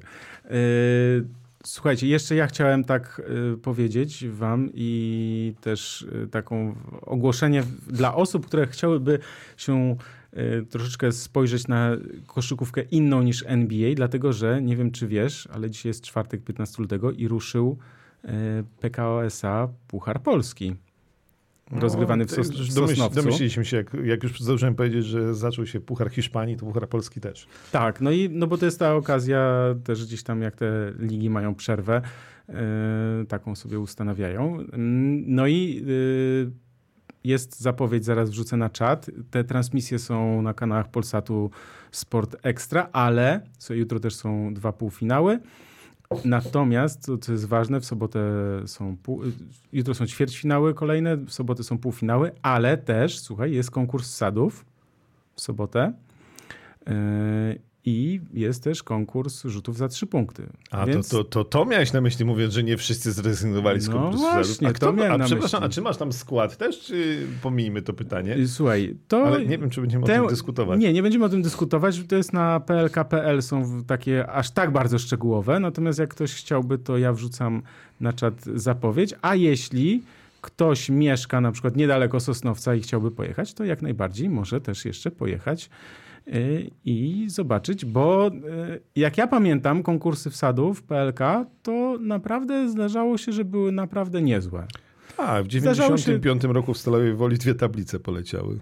Dobrze, nie mówimy słuchaj, o czasach e, dinozaurów, tylko mówimy o ostatnich latach. Ja pamiętam, że naprawdę zdarzało się, że te konkursy e, były naprawdę niezłe, zwłaszcza po tym, jak się zmontuje, wiesz, bo to jest też tak, że jest ogromna różnica w tym, jak coś zobaczysz na żywo, a potem, bo my tak, NBA wszyscy widzimy na powtórkach, slow motion, siedem powtórek, to od razu wszystko widać inaczej. Natomiast trochę jest tak, że na żywo, jak pójdziesz na taki konkurs, to te wsady są strasznie szybko i czasem nie zauważasz pewnych rzeczy, nie potrafisz nie docenić. Natomiast w telewizji, jak się je potem ogląda albo gdzieś na YouTubie zmontowany klip, to one naprawdę e, mogą dobrze... Nie, ale oczywiście na żywo też jest y, atmosfera niepowtarzalna, jeżeli jest pełna hala i tak dalej. Miejmy nadzieję, że tak będzie w Sosnowcu.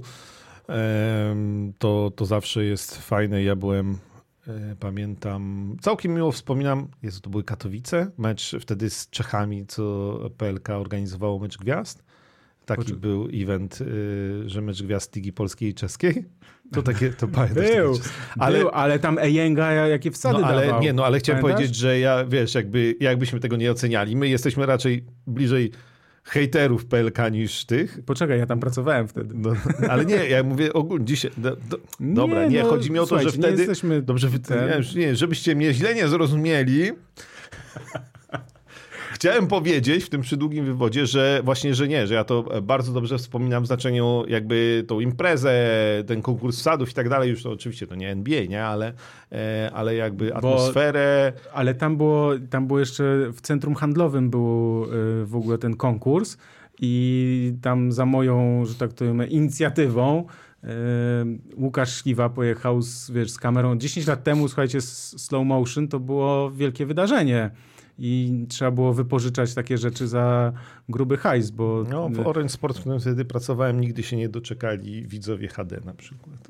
No to, no, no właśnie, no to to jest, wiesz, no to, to jest, zobacz jaka różnica jest, tak? Ja zawsze, ja zawsze przypominam, że jak byłem w 2011 w Stanach, to miałem iPhone'a czwórkę i wiesz, to tam zdjęcia, to Warszawska klasa średnia, no, no.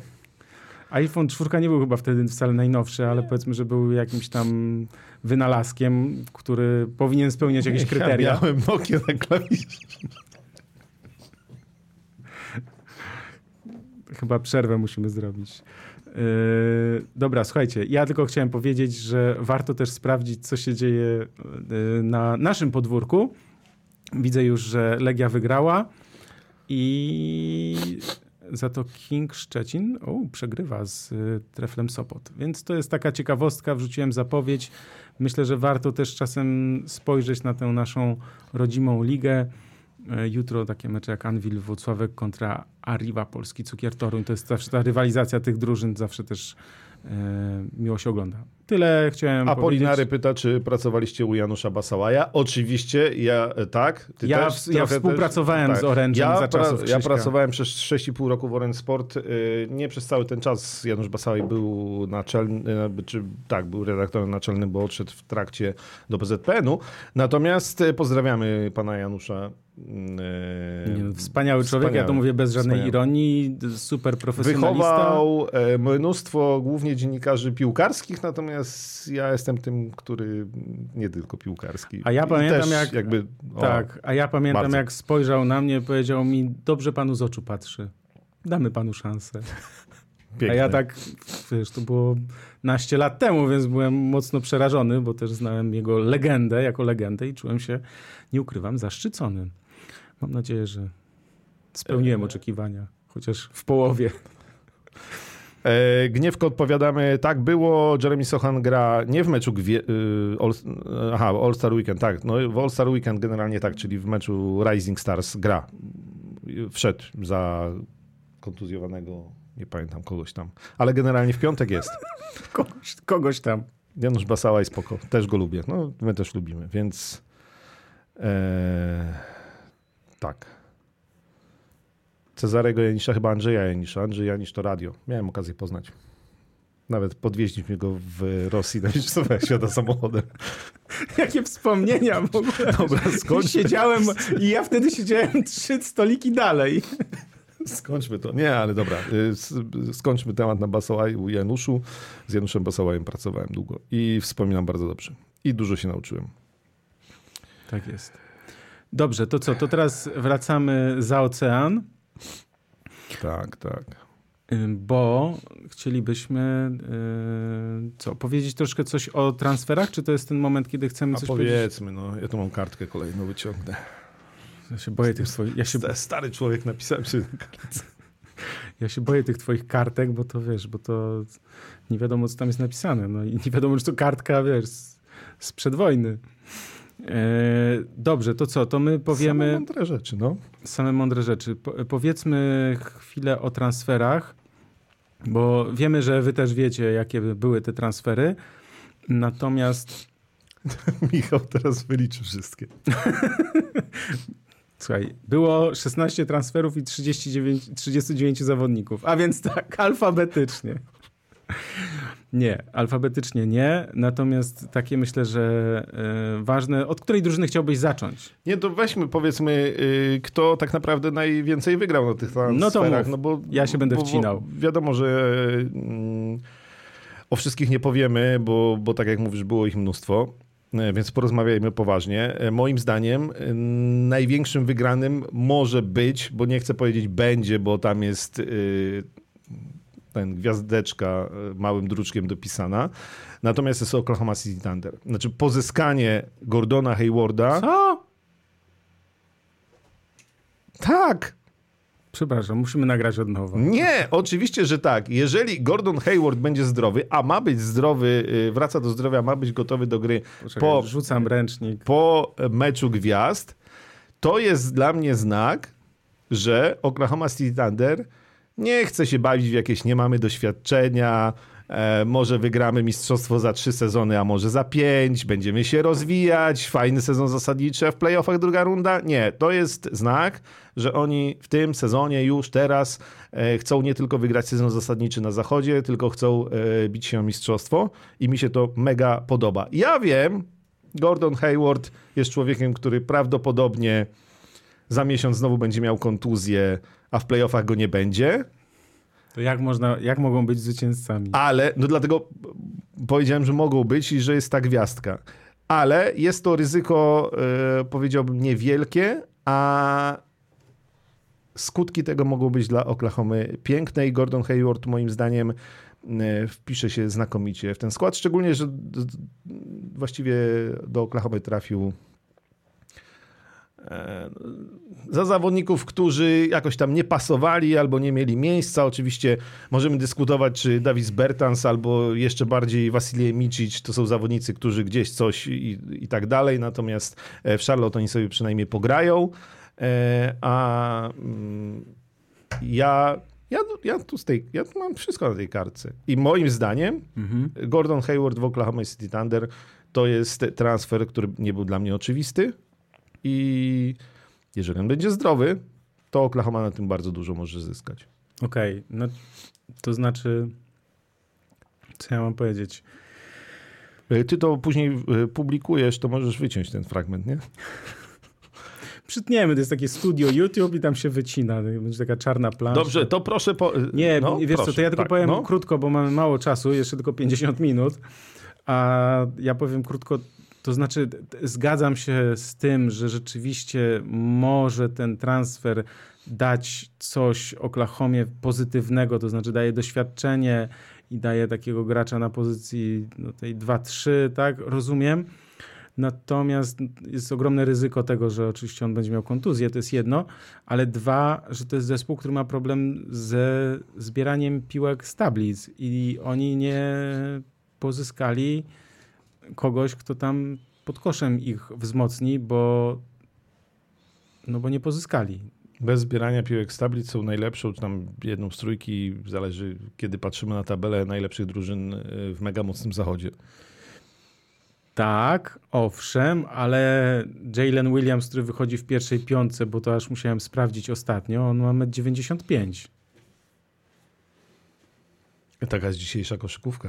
Rozumiem, że grasz na czeta i... Nie, nie, Dobrze, nie, mi chodzi tylko o to, ja też jestem fanem Oklahomy, nie bez powodu koszulka Shea tutaj została zainwesto- zostały zainwestowane środki e, finansowe w koszulkę Shea, e, nie bez powodu, ale e, ja się obawiam, że ten zespół, jak przyjdą playoffy i ktoś stanie mocny po drugiej stronie, to po prostu może być trudno, może to obnażyć, ale dobra, zobaczymy. Ja trzymam kciuki, natomiast ja ogólnie mówię, zaskoczyło mnie to, że, że stawiasz ich jako w roli takich wygranych, wygranych, bo ja bym powiedział, że to jest na plusik, okej, zobaczmy, co z tego wyjdzie, natomiast są pewne mankamenty tej drużyny, które no, nie zostały rozwiane, nazwijmy to, w sensie nie zostały naprawione czy poprawione, o tak powiem. O, Poprawmy nastrój w tym programie. Martek ba- Marek Bartnik pisze, chciałem tylko powiedzieć, bo teraz pewnie przeczytacie, że moja żona was uwielbia i każe mi za każdym razem dawać łapkę w górę. Pozdrawiamy z Wrocławia, Marek i Madzia.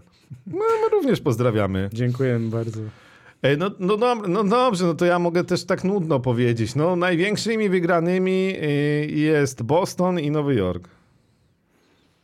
No, dlatego, że No dobra, jeśli mówisz o tym, że Oklahoma nie mm, jakby nie, roz, załatała... nie, rozwią- nie, nie załatała tej dziury, która może być przeszkodą No to- w osiągnięciu Okej, sukcesu. no to Boston w takim razie idealnie załatał.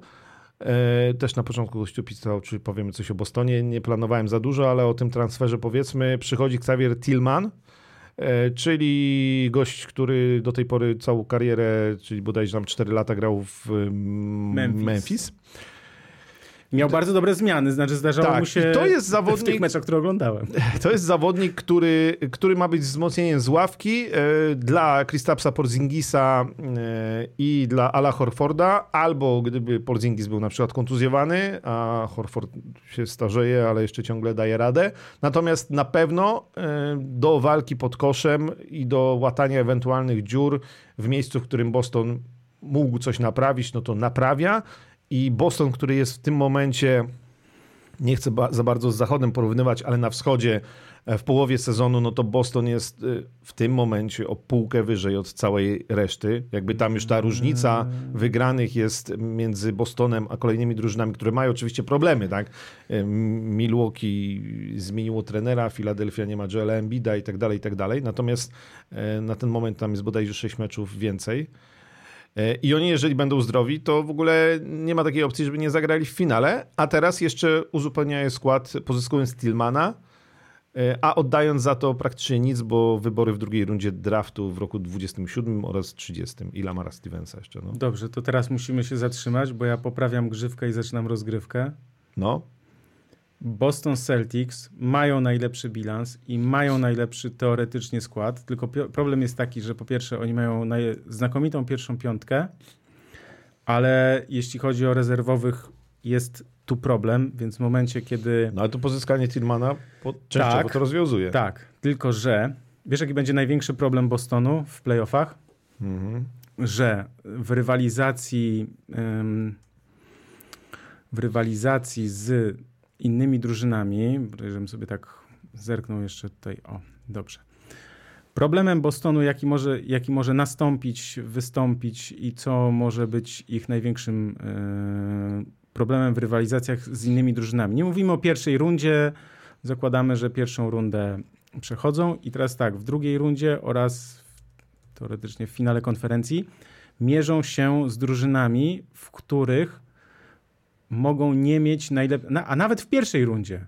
Chociaż nie, w Mhm. pierwszej rundzie to bez przesady. Jason Tatum jest rzeczywiście jednym z najlepszych tutaj zawodników, jeśli chodzi o wschód, ale wiesz dlaczego Boston Celtics może mieć problem? Może mieć problem dlatego, że on w rywalizacji na przykład z Milwaukee Bucks albo z Filadelfią, jak wróci Embiid, nie będzie, Boston Celtics nie będzie miał najlepszego zawodnika na boisku. To znaczy w sensie takim, że okej, będzie piątka, natomiast w drużynie przeciwnej będzie indywidualność, która jest lepsza Nie od... no, ale nie, nie, no, co, co- to jest w ogóle za gadanie? Jak masz Jasona Tatuma, jak masz Jalena Browna w składzie i że co, że, wy, że I przegrywasz przyjdzie... z Miami. Przyjdzie... Bo Jimmy Butler zrobił. Jimmy Butler to niech zacznie grać. Że nie. przychodzi Milwaukee Bucks i Janis po prostu. Oczywiście to się, to się może wydarzyć. Teraz użyję argumentu, którego nie chciałem użyć. Milwaukee Bucks z, Dokiem Riversem, tak? E, natomiast, natomiast po pierwsze, e, po pierwsze w ogóle nie zgadzam się z tą teorią, bo jak masz Jasona Tatuma, to dyskutowanie o tym, kto jest lepszym zawodnikiem, czy on, czy Embiid, czy Janis. Ja wiem, że e, Embiid był MVP, Janis MVP mistrzem, a Tatum na razie tylko grał w finale. Natomiast e, jakby zupełnie tego tak nie widzę. Po drugie, to, że Boston nie ma e, ławki rezerwowych, to też jest już lekkie przekłamanie, bo w playoffach potrzebne ci jest ośmiu zdrowych ludzi yy, do jest, grania. Tam jest pięciu i pół, sześciu. Nie, no spokojnie, no ja... Co sześciu, co sześciu. Dobra, bo żebyśmy nie stracili czasu, nie, nie marnowali go na ten. Liczę, Możemy się pięknie różnić, przyjacielu drogi. Liczę. No nie, no W domu se policzysz, dużo ci wyjdzie. Pritchard, Hauser tam wyjdą, wiesz, to za... Nie uważam, żeby Boston... Nie, poza tym to jest drużyna, która już w playoffach doszła do finału z trochę innym składem, ale jednak z Tatumem i Brownem. To jest drużyna, która ma wygrać mistrzostwo w tym sezonie.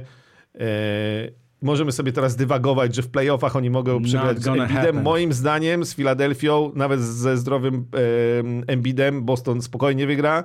E, Z Janisem może być problem, ale Doc Rivers to załatwi. I e, ja trzymam się wersji bardzo dobre uzupełnienie, jeśli chodzi o Xaviera Tillmana. E, Na ten moment zdrowi Boston Celtics to jest mój kandydat do Mistrzostwa NBA. Pozdrawiam serdecznie. Dobrze, to y, tutaj przejdźmy do Filadelfii, skoro powiedziałeś o Filadelfii, bo Filadelfia wzmocniła się Buddy Hildem, No, Buddy Hildem z Indiana Pacers i Buddy Hield pod nieobecność e, Embida ma teraz średnią w trzech meczach, w czterech meczach e, 22 punkty. To jest gość, który świetnie rzuca, który I potrafi to się Filadelfii sobie... przyda. Tak, bo- i to jest bardzo tak. duże wzmocnienie Filadelfii. Oczywiście zapomnijmy o tym, co się dzieje z Filadelfią teraz, jak nie ma Embida i jeśli on nie wróci, to wiadomo, że jakby dyskusja nie ma sensu.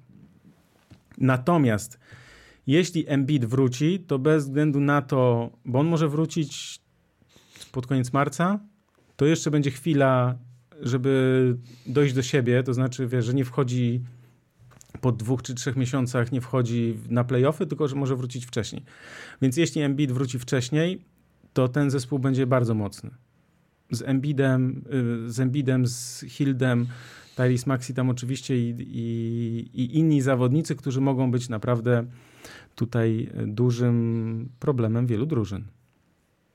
Nie wierzę w Filadelfię, ale Buddy Hill im się przyda, bo brakowało im strzelców za trzy punkty, brakowało im gości, którzy rozciągną ten atak, więc e, no, spokojnie on się też dodajmy, że się nie dogadał co do nowego kontraktu z Indiana Pacers. To też między innymi dlatego e, odszedł. Natomiast, e, natomiast no okej, okay. to jest też dobre wzmocnienie dla Filadelfii, aczkolwiek nie. Czy z Embidem, czy nie, nie. Ja, ja stawiałem Filadelfię, tam już nie Żeby pamiętam. się pan nie zdziwił. Nie, nie, nie. A ja, wiesz co, a mi trudno myśleć o Bostonie jako faworycie. Naprawdę, to znaczy ja już tyle, już tyle tych, tyle już tych y, playoffów obejrzałem NBA, że za każdym razem coś się dzieje takiego, co nas zaskakuje i to jest oczywiście trochę, prawda. trochę nie zaskakuje to, że że wiesz, że ten zespół no, przez kolejne lata ma jakieś tam problemy w ostatnich ważnych momentach i w ogóle. Dobra, nieważne. Przejdźmy, zostańmy na wschodzie, przejdźmy do Milwaukee Bucks, bo oni pozyskali Patryka Beverly. I to jest bardzo ciekawe, to jest bardzo ciekawa historia, bo z jednej strony to jest taki akt desperacji, a z drugiej strony można powiedzieć, że to jest bardzo dobry ruch. Ale myślałem, że o innej ciekawej historii powiesz. O tym, że on tam miał spinę z Damianem Lillardem? Nie, o tym, że on ten transfer ogłosił sam w mediach społecznościowych. A, I... Nie, on chyba Markusa Morisa tam jakieś przejście ogłosił. A nie sam siebie?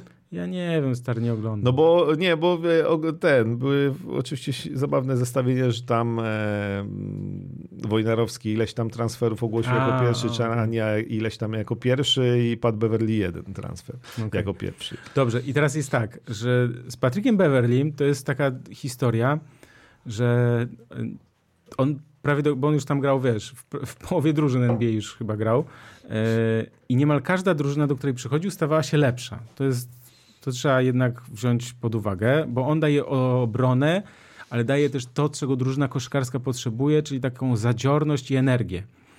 I ja pamiętam, jak on w Minnesocie, pamiętasz, jak oni wygrali, czy tam awansowali do play-inów, to tam ogólnie było, czy wygrali w play-inach, nieważne, w każdym razie to już było jak, jak mistrzostwo, nie? I, i, I, śmieszne jest to, że w Minnesocie do dziś płaczą, wiesz, za nim wspominają, w sensie jaki to on był wspaniały, był ten Patrick Beverly, ale przypomnijmy, że oni go i tak oddali. Więc tam oczywiście coś jest na rzeczy, że, że, że on, że to jest zawodnik, którego warto mieć na chwilę, bo on też yy, Chicago Bulls chyba też jak poszedł, to też wiesz, nagle byli lepsi, ale yy, to jest tak, pomóż nam na chwilę, ale nie czuć się za mocny, nie chcemy cię na długo po prostu. Czyli taki, trochę taki najemnik, mówiąc najogólniej. I moim zdaniem ten transfer, zresztą teraz już te pierwsze mecze pokazują, że jest naprawdę szansa na to, że Milwaukee nie są na straconej pozycji, mimo że mają za trenera Doka Riversa. I sześć I... porażek, ale wygrali z Poczekaj, ale no. pamiętajmy o jednej rzeczy, bo najlepsza drużyna w NBA od Poczekaj, zadaję, sprawdzam tutaj. E, najlepsza drużyna od 1 grudnia to jest zespół Los Angeles Clippers, 28 do 7 bilans. E, pamiętasz, co mówiliśmy po transferze Hardena, bo oni chyba przegrali pierwszych pięć meczów, pamiętasz? Tak.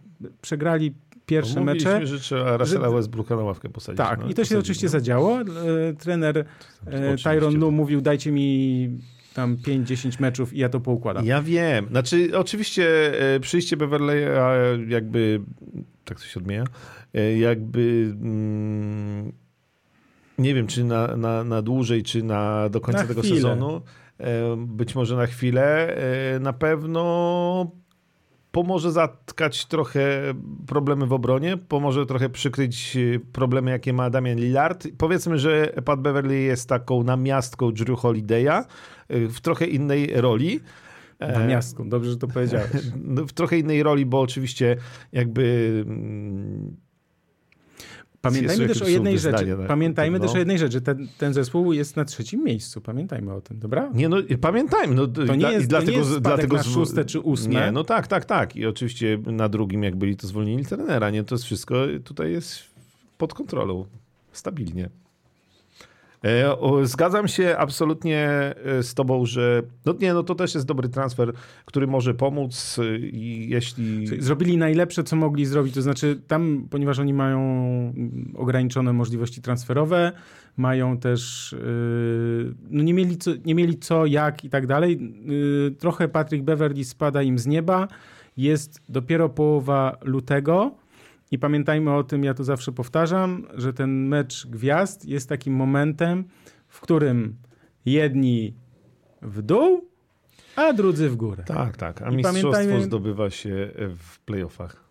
No właśnie, tylko że do playoffów trzeba, trzeba też wjechać z pewnego rodzaju formą, a nie z formą ze stycznia, bo forma ze stycznia zostaje w szatni.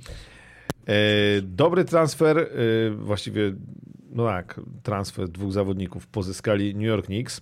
I to jest kolejna mocna drużyna, która jeżeli, bo tam ostatnio i trochę nie grał. E... Nie, no tam jest plaga kontuzji ogólnie rzecz biorąc. No, Julius Randle cały czas nie gra, Branson wrócił, ale ogólnie e, tak, Knicks pozyskali Aleka, ba e, Aleka Barksa, który wraca do Nowego Jorku i Bojana Bogdanowicza.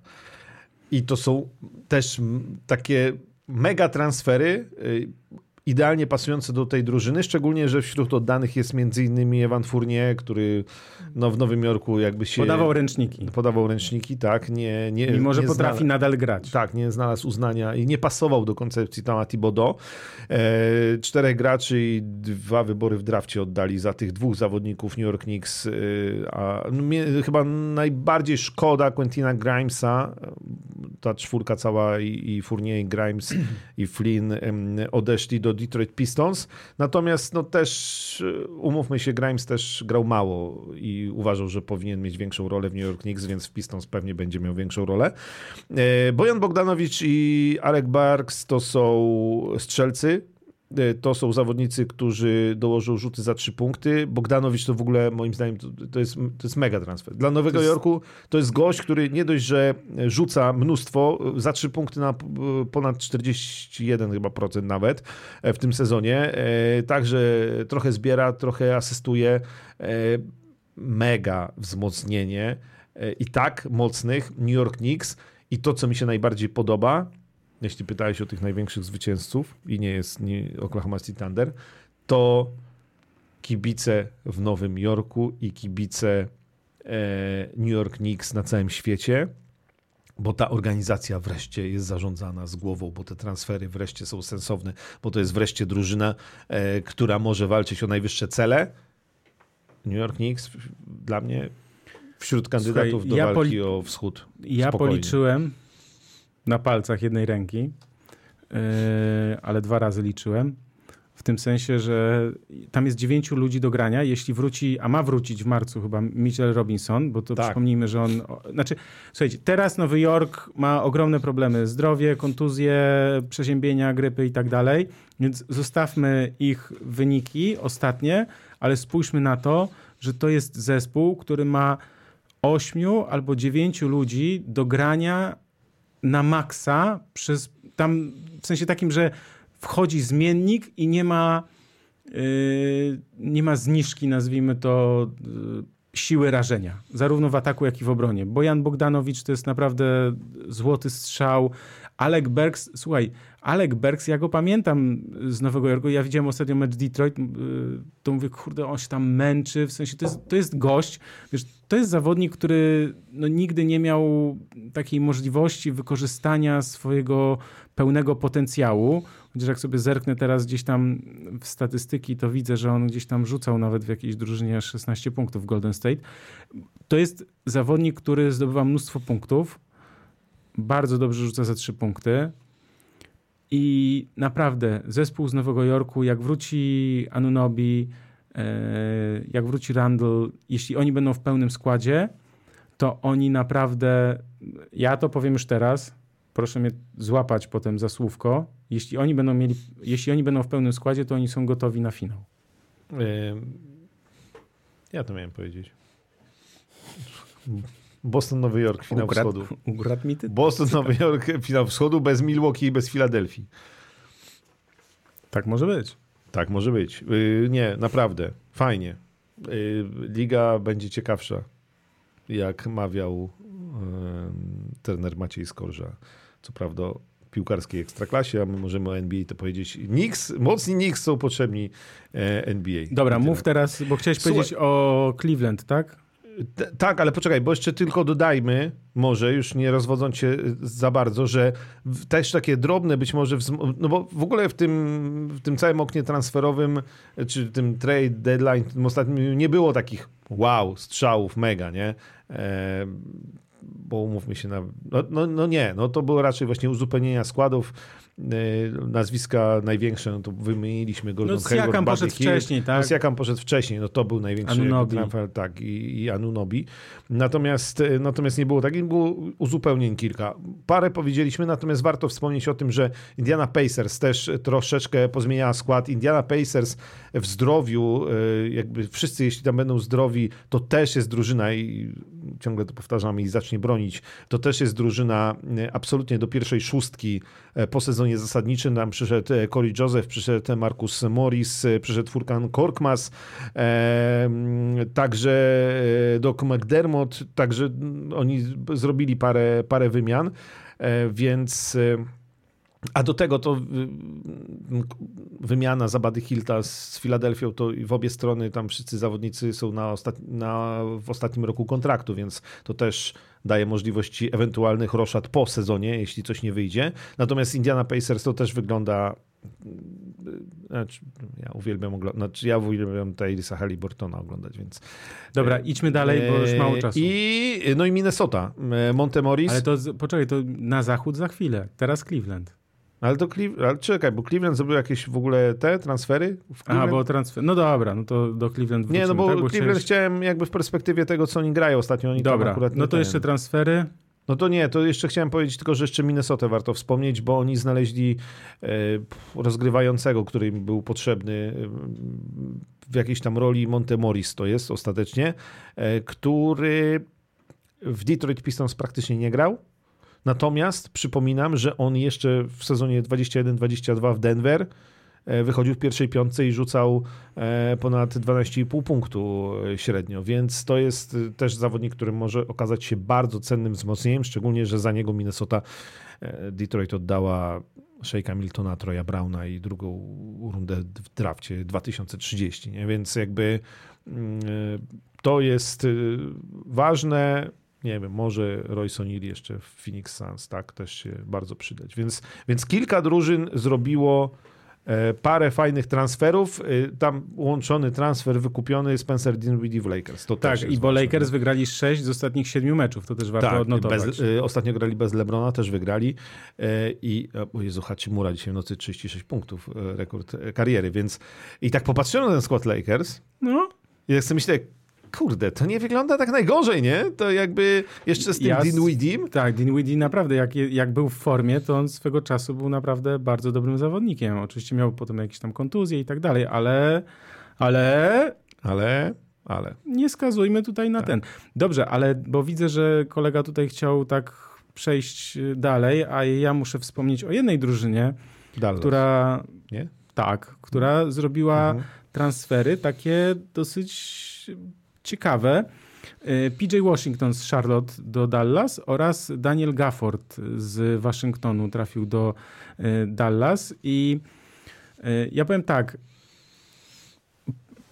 Problemem Dallas jest to, że stracili kontrolę nad wyborami w drafcie na kilka lat praktycznie, bo kiedy skończy się kontrakt Luki i kiedy będzie mógł odejść, to oni tam te numery poddawali. Natomiast oni są trochę w wybory Natomiast oni są w takiej podobnej sytuacji jak y, Milwaukee, którzy mając Janisa też postawili wszystko na jedną kartę, tak? No bo sięgnęli wtedy po Drew Holiday'a, podawali takie piki, wiesz, co tam mogli jak najdalej.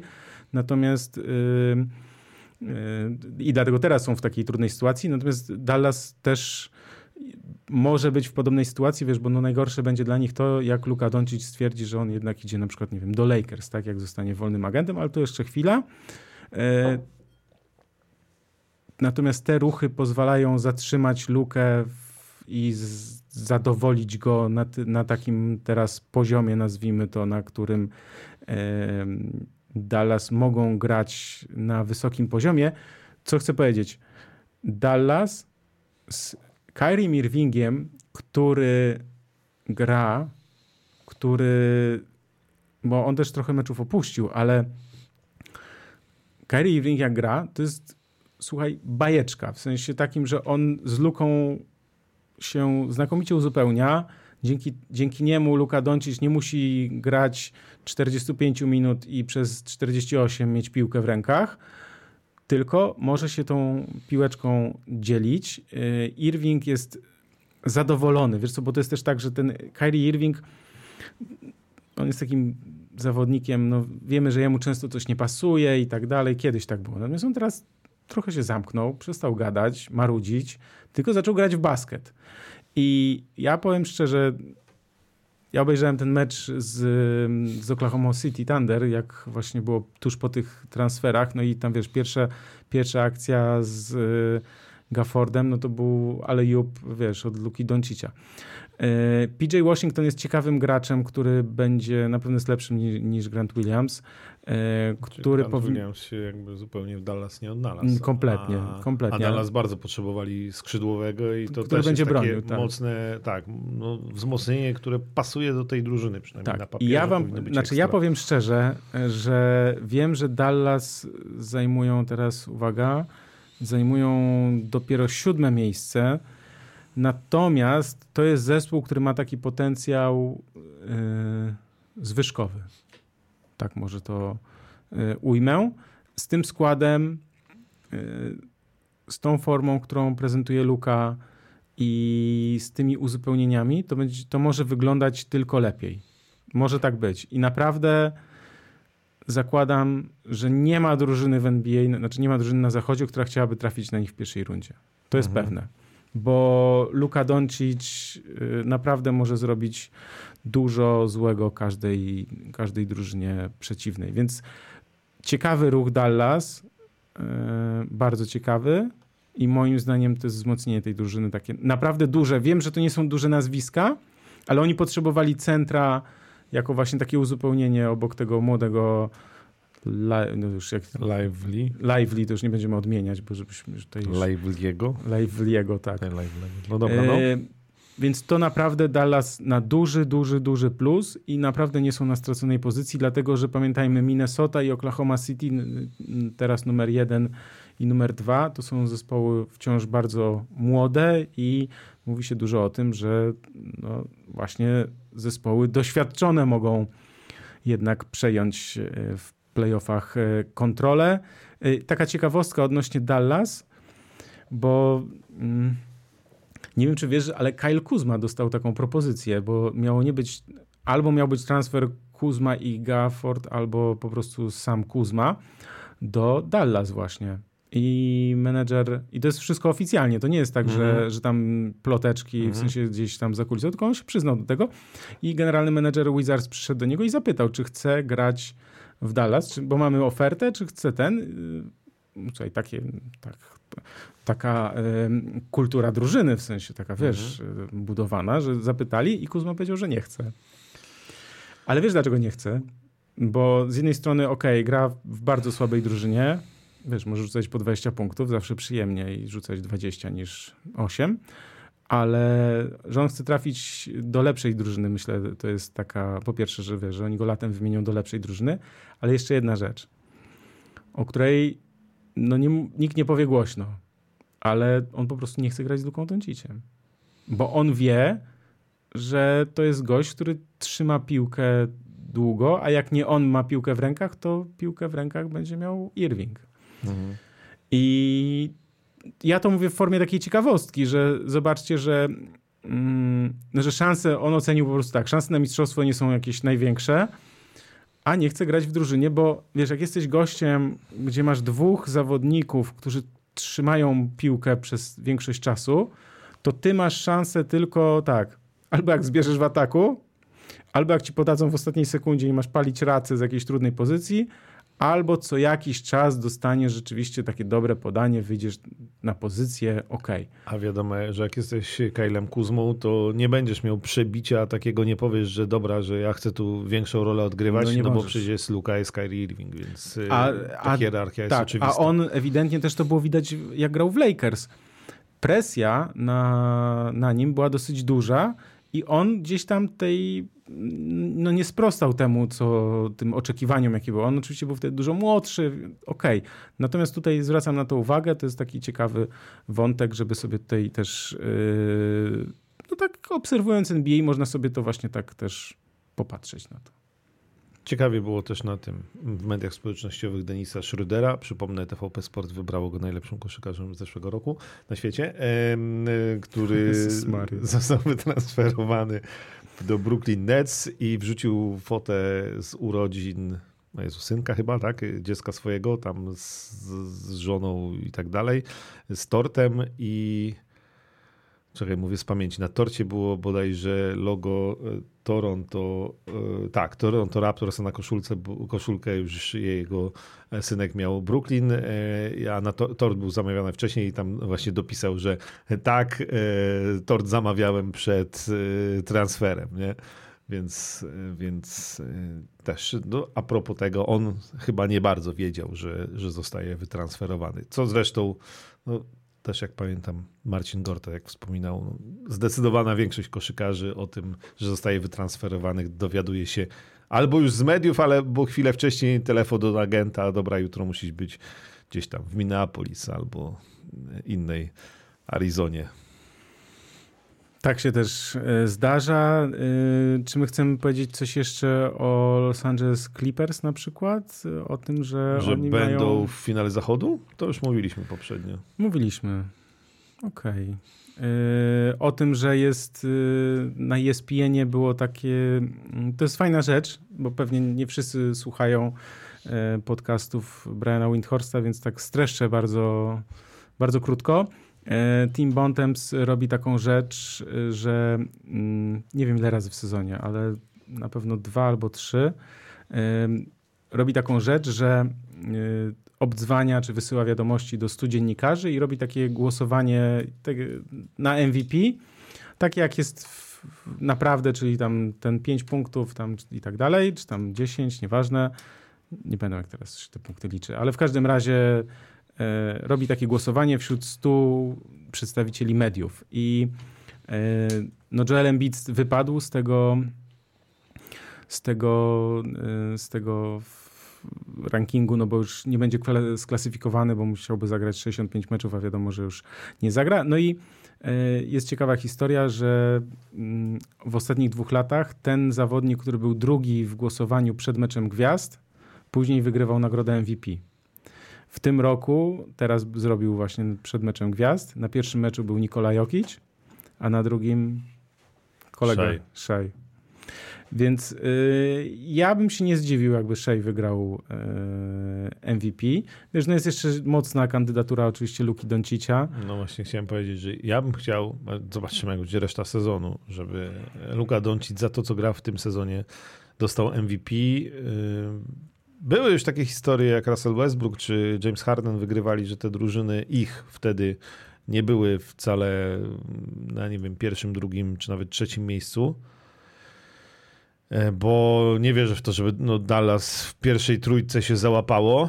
Liczę na to, że będzie w pierwszej szóstce. Natomiast, e, natomiast Luka Doncic w tym sezonie gra absolutnie fenomenalnie. Jakby ze wszystkimi wadami, jakie on ma w tej swojej grze, to gra jakąś kosmiczną koszykówkę i, i fajnie by było, żeby Luka został MVP. To jak chcesz mnie zapytać, to, to w tym momencie nie mówię Jason Tatum, nie mówię Anthony Edwards, mówię Luka Doncic. No, słuchaj, y, tak też się y, może zdarzyć. Ja myślę, że dużo będzie zależeć od tego, jak się tabela ustawi na koniec. Y, wiem, że to jest takie trochę gadanie y, mało fajerwerkowe i trochę takie smętne, ale mm, naprawdę może być tak, że, że ten układ tabeli będzie miał znaczenie. To znaczy, jeśli okaże się, że Los Angeles Clippers będą pierwsi na zachodzie, to może się równie dobrze okazać, że Kawhi Leonard zdobędzie tytuł MVP. W tej chwili to, to głosowanie Nikola Jokic na pierwszym, Shea Gilgis Alexander na drugim, Janis Antetokounmpo na trzecim, Luka Doncic na czwartym, Kawhi Leonard na piątym, Jason Tatum dopiero na szóstym miejscu. I to jest, no to jest głosowanie, no takie Mhm. poważne, tak, bo to 100 dziennikarzy z amerykańskich bierze w tym rozumiem. udział, więc to jest, wiesz, nie tam, że sonda sobie zrobili i, i tam poklikali, e, tylko to jest, to jest, e, no poważna, poważne zestawienie i ja naprawdę, znaczy wszystko zależy od tej tabeli moim zdaniem. Więc to jest. Dobrze. E, A pojedynek debiutantów?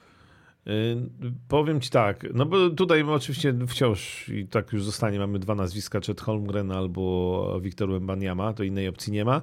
Natomiast zaczynam się po tych ostatnich wyczynach y, triple-double i w ogóle trochę skłaniać ku Wembaniamie, chociaż tutaj jeszcze chciałbym poczekać. Mimo wszystko na, dla mnie bardzo duże, bo ja od początku mówiłem, że Chet Holmgren, y, nie chcę się z tego za bardzo wycofać na razie, bo jednak na mnie duże wrażenie robi to, że on jest tak ważną postacią w drużynie, która walczy o najwyższe cele, a nie w najgorszej drużynie zachodu. Tak, San Antonio na ostatnim miejscu teraz, czy nie? Czy, no gdzieś tam, generalnie. Bez przesady. Nie, tam nie, nie łapmy się tych, nie skupiajmy się na drobiazgach. Natomiast no, sama gra jakby Łębaniamy jest, jest absolutnie unikatowa. Znaczy Holmgrena też jest po części unikatowa. Liczby, te indywidualne statystyki po stronie Łębaniamy, statystyki drużyny zdecydowanie po, po stronie Holmgrena. E, Ponieważ sprawdzałem sobie dzisiaj ten tracker NBA-owy, kto tam i oni tam umieścili w tym momencie w ostatnim notowaniu Łębaniamy na pierwszym miejscu, więc ja może jednak mimo wszystko będę się jeszcze trzymał e, Czeta Holmgrena, tak dla Wiesz przeciwwagi. z, tym, z tą nagrodą dla debiutantów to jest trochę wyjątkowa sytuacja. E, Raz, że Chet miał po prostu kontuzję i jest taki Oszukany, jak tutaj napisał Gniewko. oszukany debiutant trochę, można tak powiedzieć. Blake Griffin też tak, też tak miał. I to jest takie, to są chyba niepisane, znaczy chyba na pewno niepisane zasady, że zawsze w tej nagrodzie brano pod uwagę indywidualne statystyki. I najlepsi debiutanci nigdy nie grają, wiesz, w drużynach yy, najlepszych, tak? No bo zawsze najwyższy numer w drafcie mają przeważnie te słabe drużyny, mówiąc najogólniej, tak? Więc jakby rzadko jest tak, że nagle jest taki transfer. yy, Magic Johnson. Mistrzostwo w pierwszym sezonie. No dobra, no to wiesz, prehistoria, tak? Nie, no Więc tak, tak, to- tak. Więc no, to jest, sytuacja jest wyjątkowa, bo teraz jest pytanie takie, czy bierzemy tylko indywidualne osiągnięcia, em, czy wpływ na, nasz, na naszą ocenę będzie miał też bilans drużyny, tak? Bo do tej pory przez lata jakby nie brano tego pod uwagę, a teraz może tak być, że, że zostanie to wzięte pod uwagę. Będzie to dość dziwne, dlatego że no wiesz, wiemy, że Łębaniama ma ogromny potencjał. To znaczy, to jest zawodnik, to jest chłopak, który za kilka lat będzie dominatorem. On będzie dominował w tej lidze. To jest, jeśli nie, nie, jeśli nie dozna kontuzji jakiejś poważnej, to naprawdę tam jest... Czed będzie dobrym graczem, może być nawet bardzo dobrym graczem, natomiast Łębaniama będzie tak zwanym y, no, wzniesie tą ligę na, na, na inny poziom. Y, No i teraz będzie taka trochę dziwna sytuacja, że wiesz, taki zawodnik i nie był naj, najlepszym debiutantem, to, to, to, to myślę, że może też być takie, co będzie dawało do myślenia. A może, jak już dzisiaj mieliśmy tyle wspominków, tak jak w roku 94, który tu padł, e, Jason Kidd i Grant Hill e, dostali aequo nagrodę dla debiutanta roku. Była taka historia. E, Tak Swoją było. drogą mam informację, że niebawem biografia Granta Hilla Wiem, bo cię rekomendowałem. w Polsce Napisałeś? się pojawi. Napisałem. No dobrze, bo cię rekomendowałem. Trudno co zrobić. No, Można- dziękuję. Można podziękować. Dziękuję. To nie, my to nie ustawiamy takich tematów. W ogóle ja nie wiem. No okej. Dziękuję. Yy, Także będzie. Tak. Warto poczytać, przeczytać. I warto na nią poczekać. Tak jest. Ja jeszcze tutaj, bo, bo nie wiem, czy masz jeszcze takie. Ja chciałem jeszcze o tym Cleveland powiedzieć, bo przepraszam. masz dwie minuty. No dobrze, bo y, w ogóle dzisiaj nie zajmowaliśmy się tym, co w NBA słychać, Y, ale stabilnie. Boston na wschodzie, na pierwszym miejscu, na zachodzie mamy Minnesota, Oklahoma i Denver. Y, I Clippers y, w genialnej formie. Natomiast myślę, że warto powiedzieć przynajmniej dwa zdania o Cleveland Cavaliers, bo oni w tym momencie są na drugim miejscu na wschodzie. mają jakąś absurdalną serię właściwie od stycznia, bo oni mieli już także 16 na 17 wygranych meczów i generalnie ciągle wygrywają. Przegrali z Filadelfią, co prawda w poniedziałek, no, ale... Tak, ale ogólnie patrząc, patrząc właściwie od, właściwie od 1 stycznia, no to, to wygrywają niemal wszystko. Są na drugim miejscu... 18-2.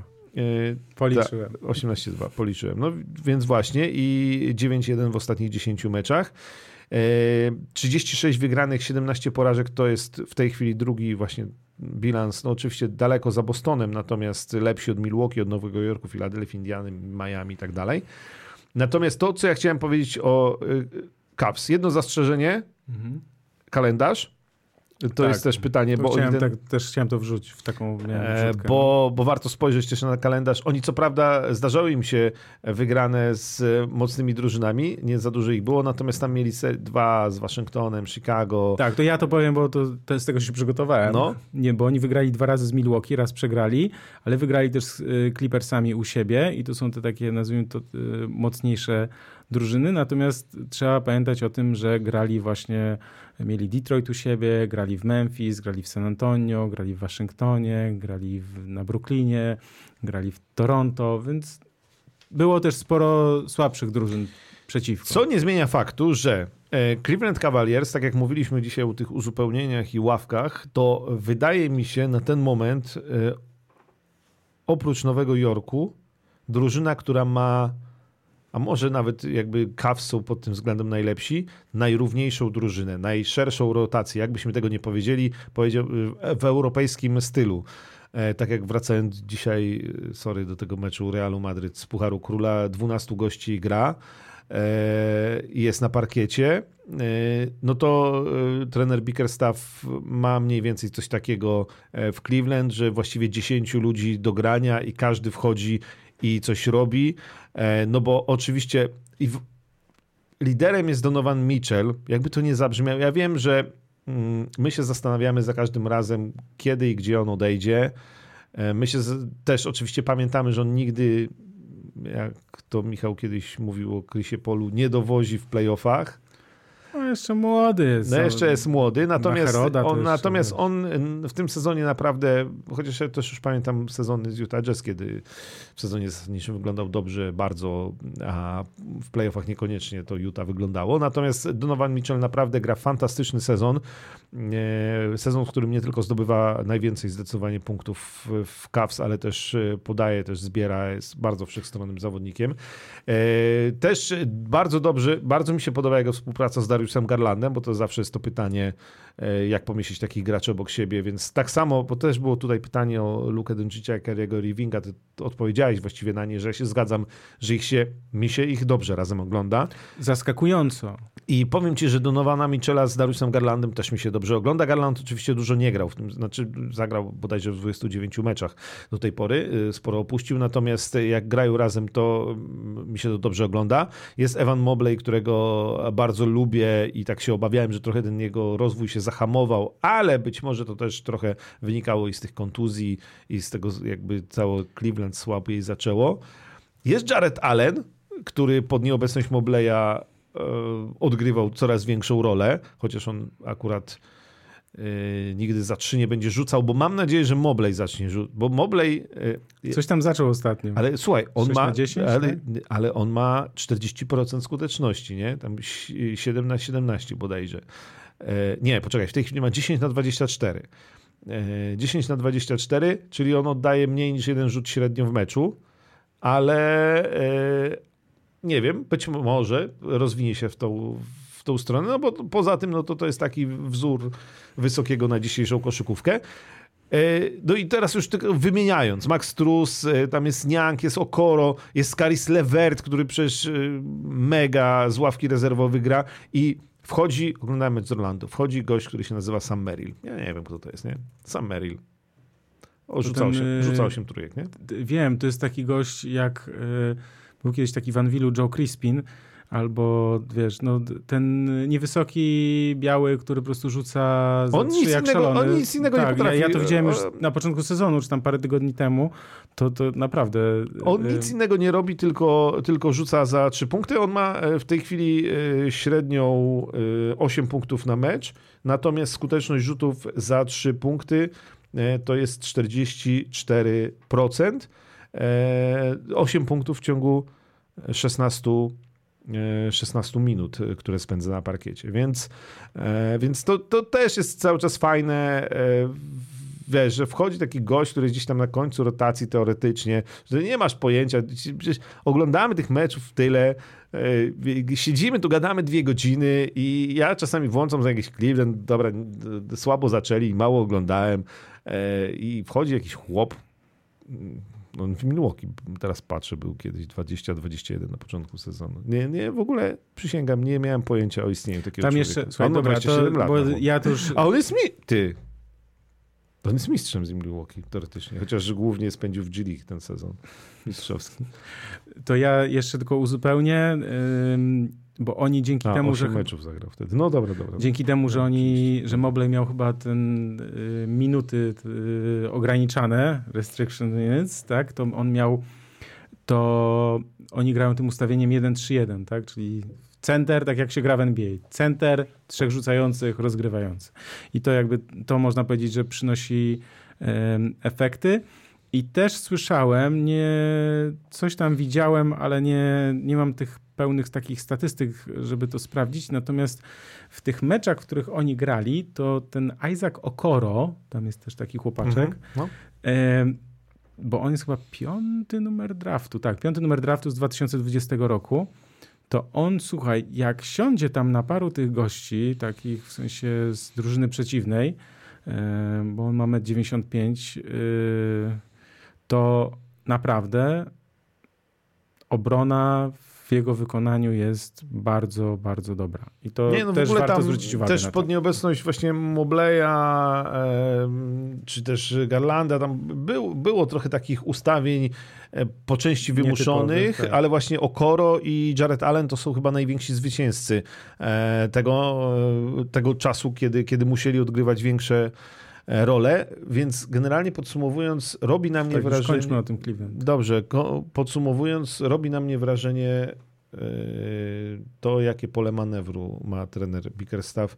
Nie sądzę, żeby Cleveland, bo już powiedziałem, że yy, Boston na ten moment z Nowym Jorkiem na wschodzie w finale, nie sądzę, żeby Cleveland tam cudów dokonywało, natomiast a zobaczymy, co ten Donovan Mitchell wymyśli z kolegami. Jest to naprawdę mm, solidnie ułożona drużyna, nie wiem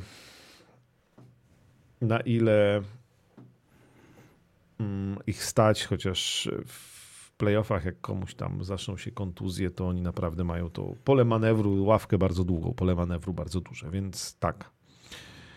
Dobra, ponieważ zbliża, zbliżamy się do brzegu, do końca, to jeszcze tylko z takich ciekawostek, ploteczek, to syn Michaela Jordana rozstał się z byłą żoną Scottiego Pippena. Michael Jordan się ucieszył na pewno. Tak, łamiąca serce informacja. Po roku wspólnych randek, po planowaniu ślubu, e, Larsa Pippen znowu jest wolna, jakby kogoś to interesowało. E, Okej, to to jest taka, taka tam tylko taka ciekawostka. E, Jeśli kogoś interesują, jeśli ktoś lubi zakłady sportowe, to mogę powiedzieć, że na dzisiejszy mecz Golden State Warriors jest kurs 50 na over punktów Kerego, Stefa Kerego. To jest yy, taka tutaj pełny opis, wrzucam, jeśli kogoś to zainteresuje. To jest taka super oferta ym, od fuksiarz.pl. Ym, I mam też, czekaj, jeszcze taką informację. A, słuchaj, moja córka zaczęła grać w kosza. Brawo. Yy, ja jej nigdy nie cisnąłem. Nigdy. Yy, nie, nigdy. No. Nigdy, nigdy.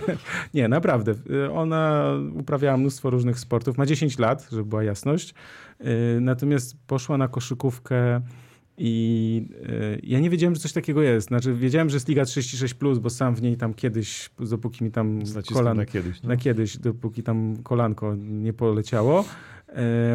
Witek Zygierewicz robi taką fajną rzecz właśnie jak ta Liga 36+, natomiast są też treningi dla dzieciaków i to się nazywa Warsaw Basketball i moja córka już była na kilku treningach, jest zachwycona, a nie ukrywam, że ma pewnego rodzaju czasem różne obawy co do pewnych zajęć, takich zwłaszcza jak tam nie zna nikogo. Więc ja wam chciałem serdecznie polecić tym, którzy mieszkają w Warszawie, którzy mają, którzy mają dzieci i chcieliby, żeby zobaczyły ich dzieci, jak wyglądają treningi koszykarskie, takie naprawdę na luzie, nie, że tam trener krzyczy tam i każe robić nie wiadomo ile pompek, tylko y, jest naprawdę w takiej fajnej, miłej atmosferze mm, są prowadzone treningi i na tej stronie warsawbasketball.com można sobie znaleźć terminy i, lokalizacje, dlatego że e, jest, jest, są grupy i chłopców, i dziewcząt, tutaj są wszystkie roczniki e, rozpisane. I słuchaj, nawet jest taka kategoria, to bo, bo są dla dzieci po prostu tam, że 2014, 15, nawet 2016 jest. I jest podział też na, na to, gdzie, bo pytanie, gdzie są te treningi? Są i na Bemowie, i na Białołęce, i na Bielanach, na Pradze, y, w Śródmieściu, na Ursynowie, na Wilanowie, więc mnóstwo jest tych lokalizacji. Y, natomiast też jest taka grupa dla pań 30. Gdyby któraś z pań, gdyby któraś y, z żon waszych albo dziewczyn chciała chodzić na kosza, bo wiem, że wiesz, to jest tak, że chłopaki to się zawsze skrzykną, nie? W sensie, dlatego nie ma takich grup dla panowie 30+, plus, no bo jak chcesz grać w kosza, zawsze gdzieś znajdziesz albo masz tą ligę 36+, plus, natomiast tutaj jest taka grupa, że też e, dla pani e, jakby chciały sobie pograć właśnie w kosza. Ale mówię to dlatego, że naprawdę jestem pod ogromnym wrażeniem e, tego, jak to jest fajnie zorganizowane i jak to jest przyjemnie i miło prowadzone. I dla Widzę, że moja najmłodsza córka za 4 lata się do najmłodszej grupy może załapać. No widzisz, to już warto, warto rezerwować miejsce. Synem nie wyszło, zrobienie z niego koszykarza. Jedna córka w zupełnie inne tematy poszła, może druga. Zobaczymy.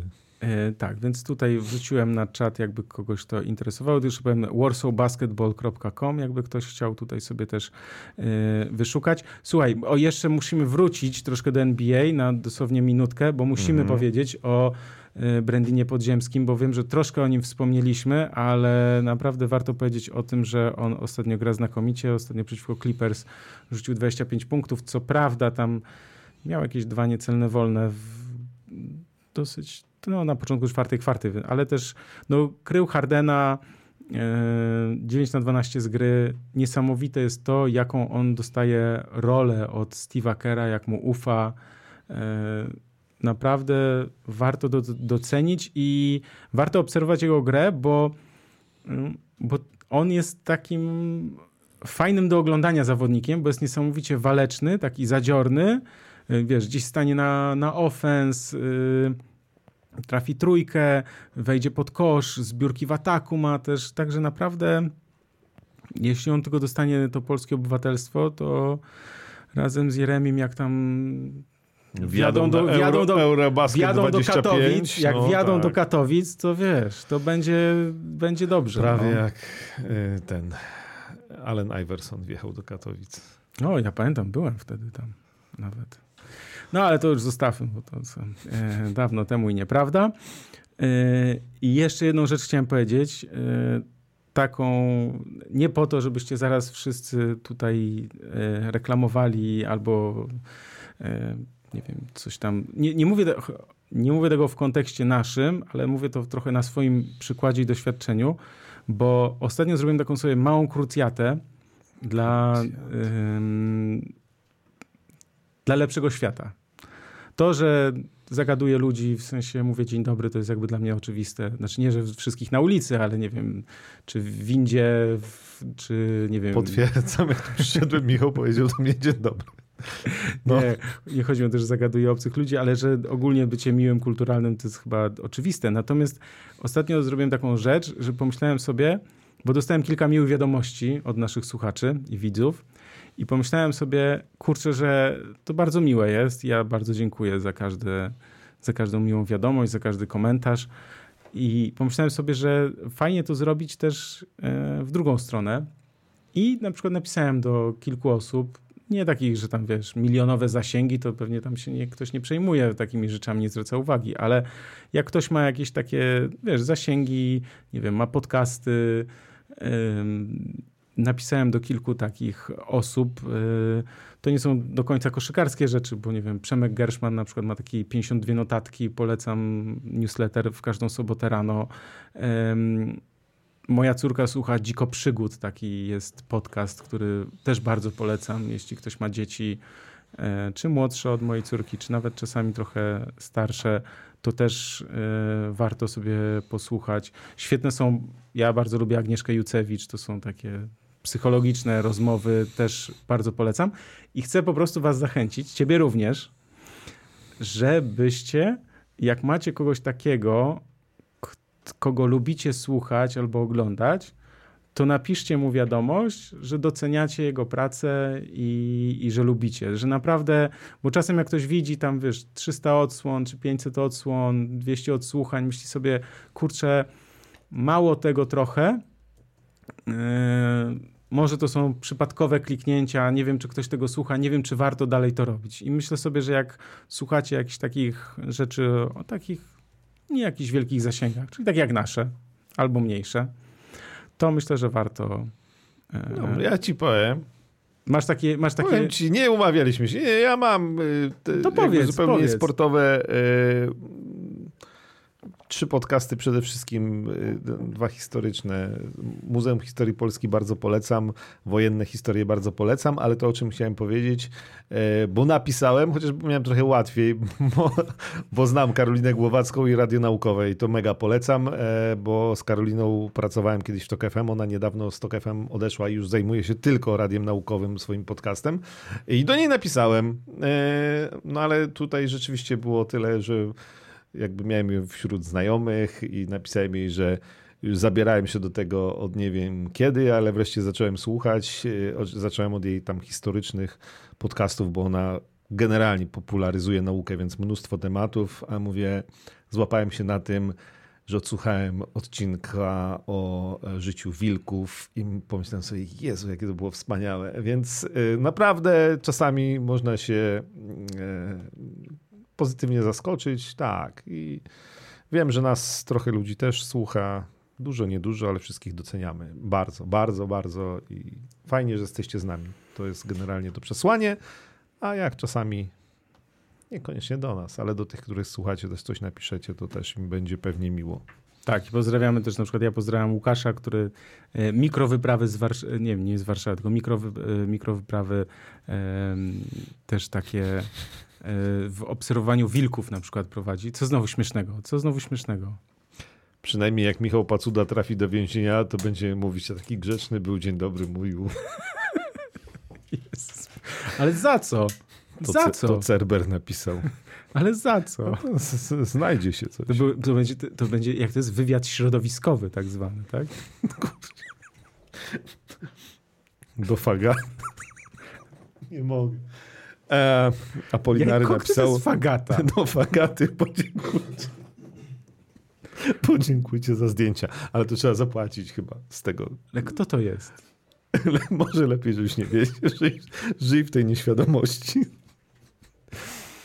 To cię naprawdę nie zmieni twojego życia. Dobrze, że nie wiesz, kto jest fagata. Słuchajcie, Może jeszcze, lepiej. Jeszcze jakbyście chcieli, szukali fajnego miejsca, też na wyprawę z dziećmi, y, na wycieczkę to mikrowyprawy. Łukasz, który też kocha NBA, ale też jest podróżnikiem i e, prowadzi takie bardzo fajne rzeczy, e, nie tylko prelekcje, ale też takie właśnie zabiera ludzi e, w dziką naturę. Ja byłem też z córką i z żoną na takiej wyprawie i naprawdę polecam, bo bardzo ciekawa przygoda.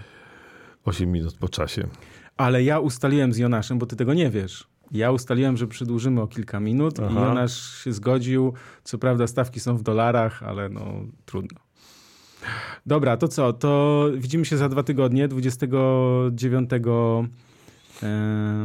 lutego. lutego jeszcze, 29. Ten rok ma 20, znaczy ten luty w tym roku ma 29 dni, więc będziemy. 29 lutego. Tak, Rok coś, przestępny. coś od, odnośnie 29 lutego od razu mi się taki, jakiś taki suchar z takim mem jakiś mi się pojawił przed oczami, ale ponieważ już nie wiem jak go tam zacytować, to już go zostawimy w spokoju. Ponieważ y, też y, Jonasz y, zgodził się, ale bez przesady. Bez przesady. Dobra, to co, dziękujemy wszystkim, trzymajcie się ciepło, zapraszamy na ProBasket codziennie, zapraszamy do nas e, za dwa tygodnie o godzinie 21. Krzysztof Sendecki, Michał Pacuda. dziękujemy bardzo, do zobaczenia, do usłyszenia.